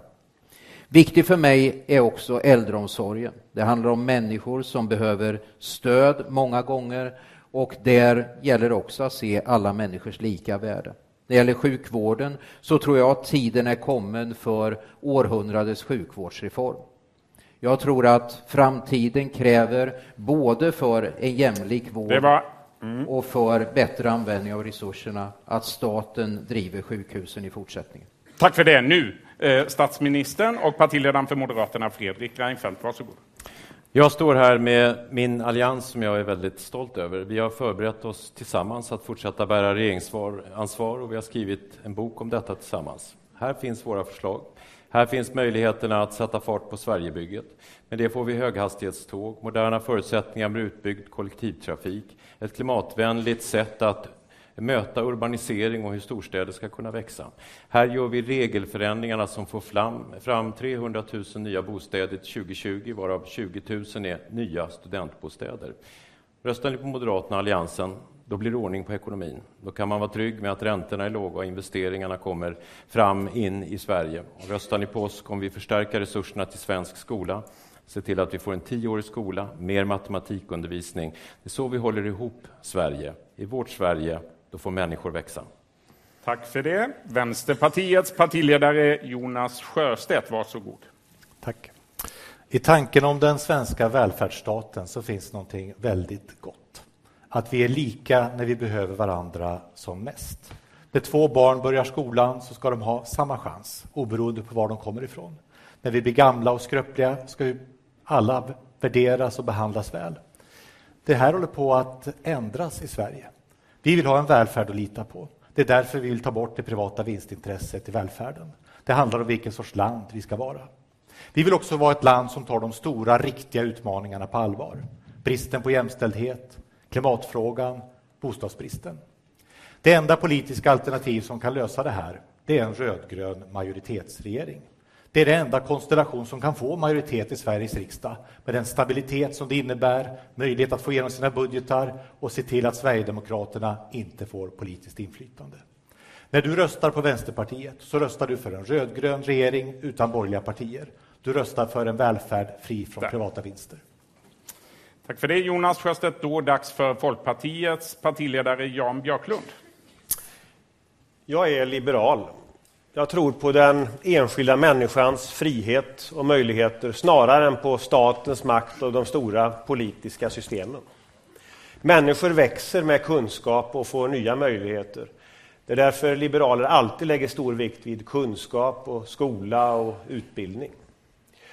Människor som växer, växande individer, skapar i sin tur växande samhällen och växande ekonomier. Och det är så vi får resurser till vår gemensamma sociala välfärd. Den idén kallar vi socialliberalism.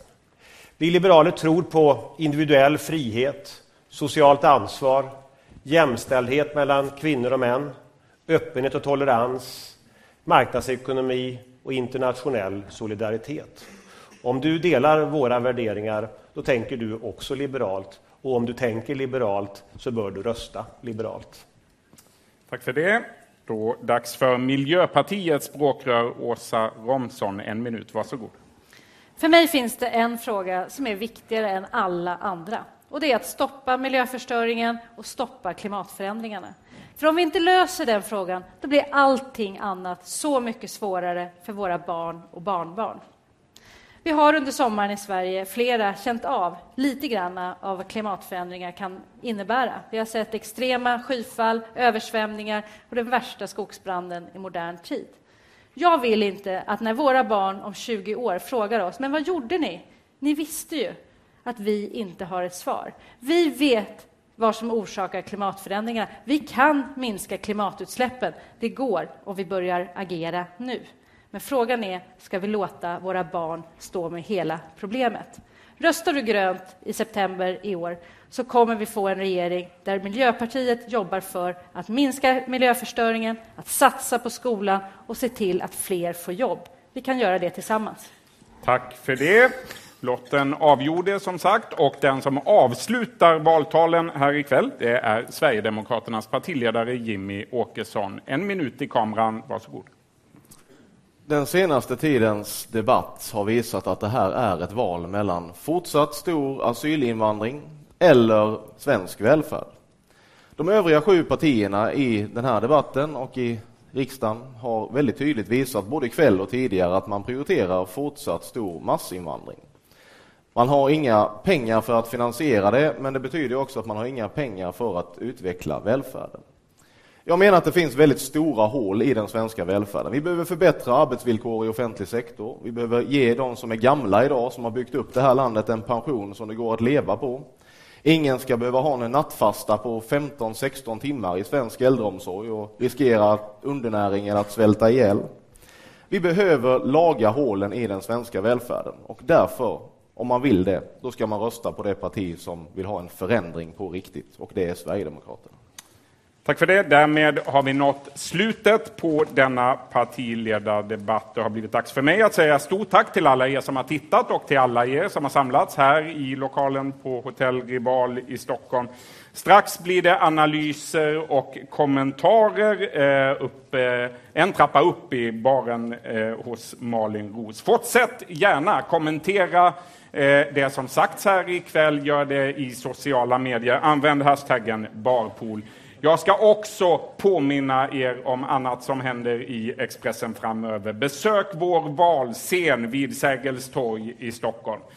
Eh, där eh, möter ni varje dag politiker som intervjuas. Följ också valrörelsen i den tidning som satsar allra mest på inrikespolitisk bevakning, nämligen Expressen.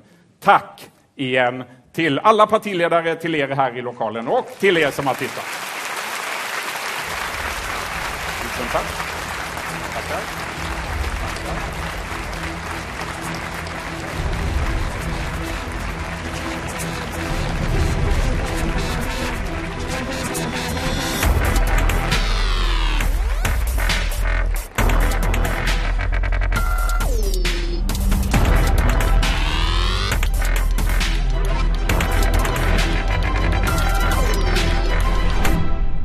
Du har lyssnat på en podcast från Expressen.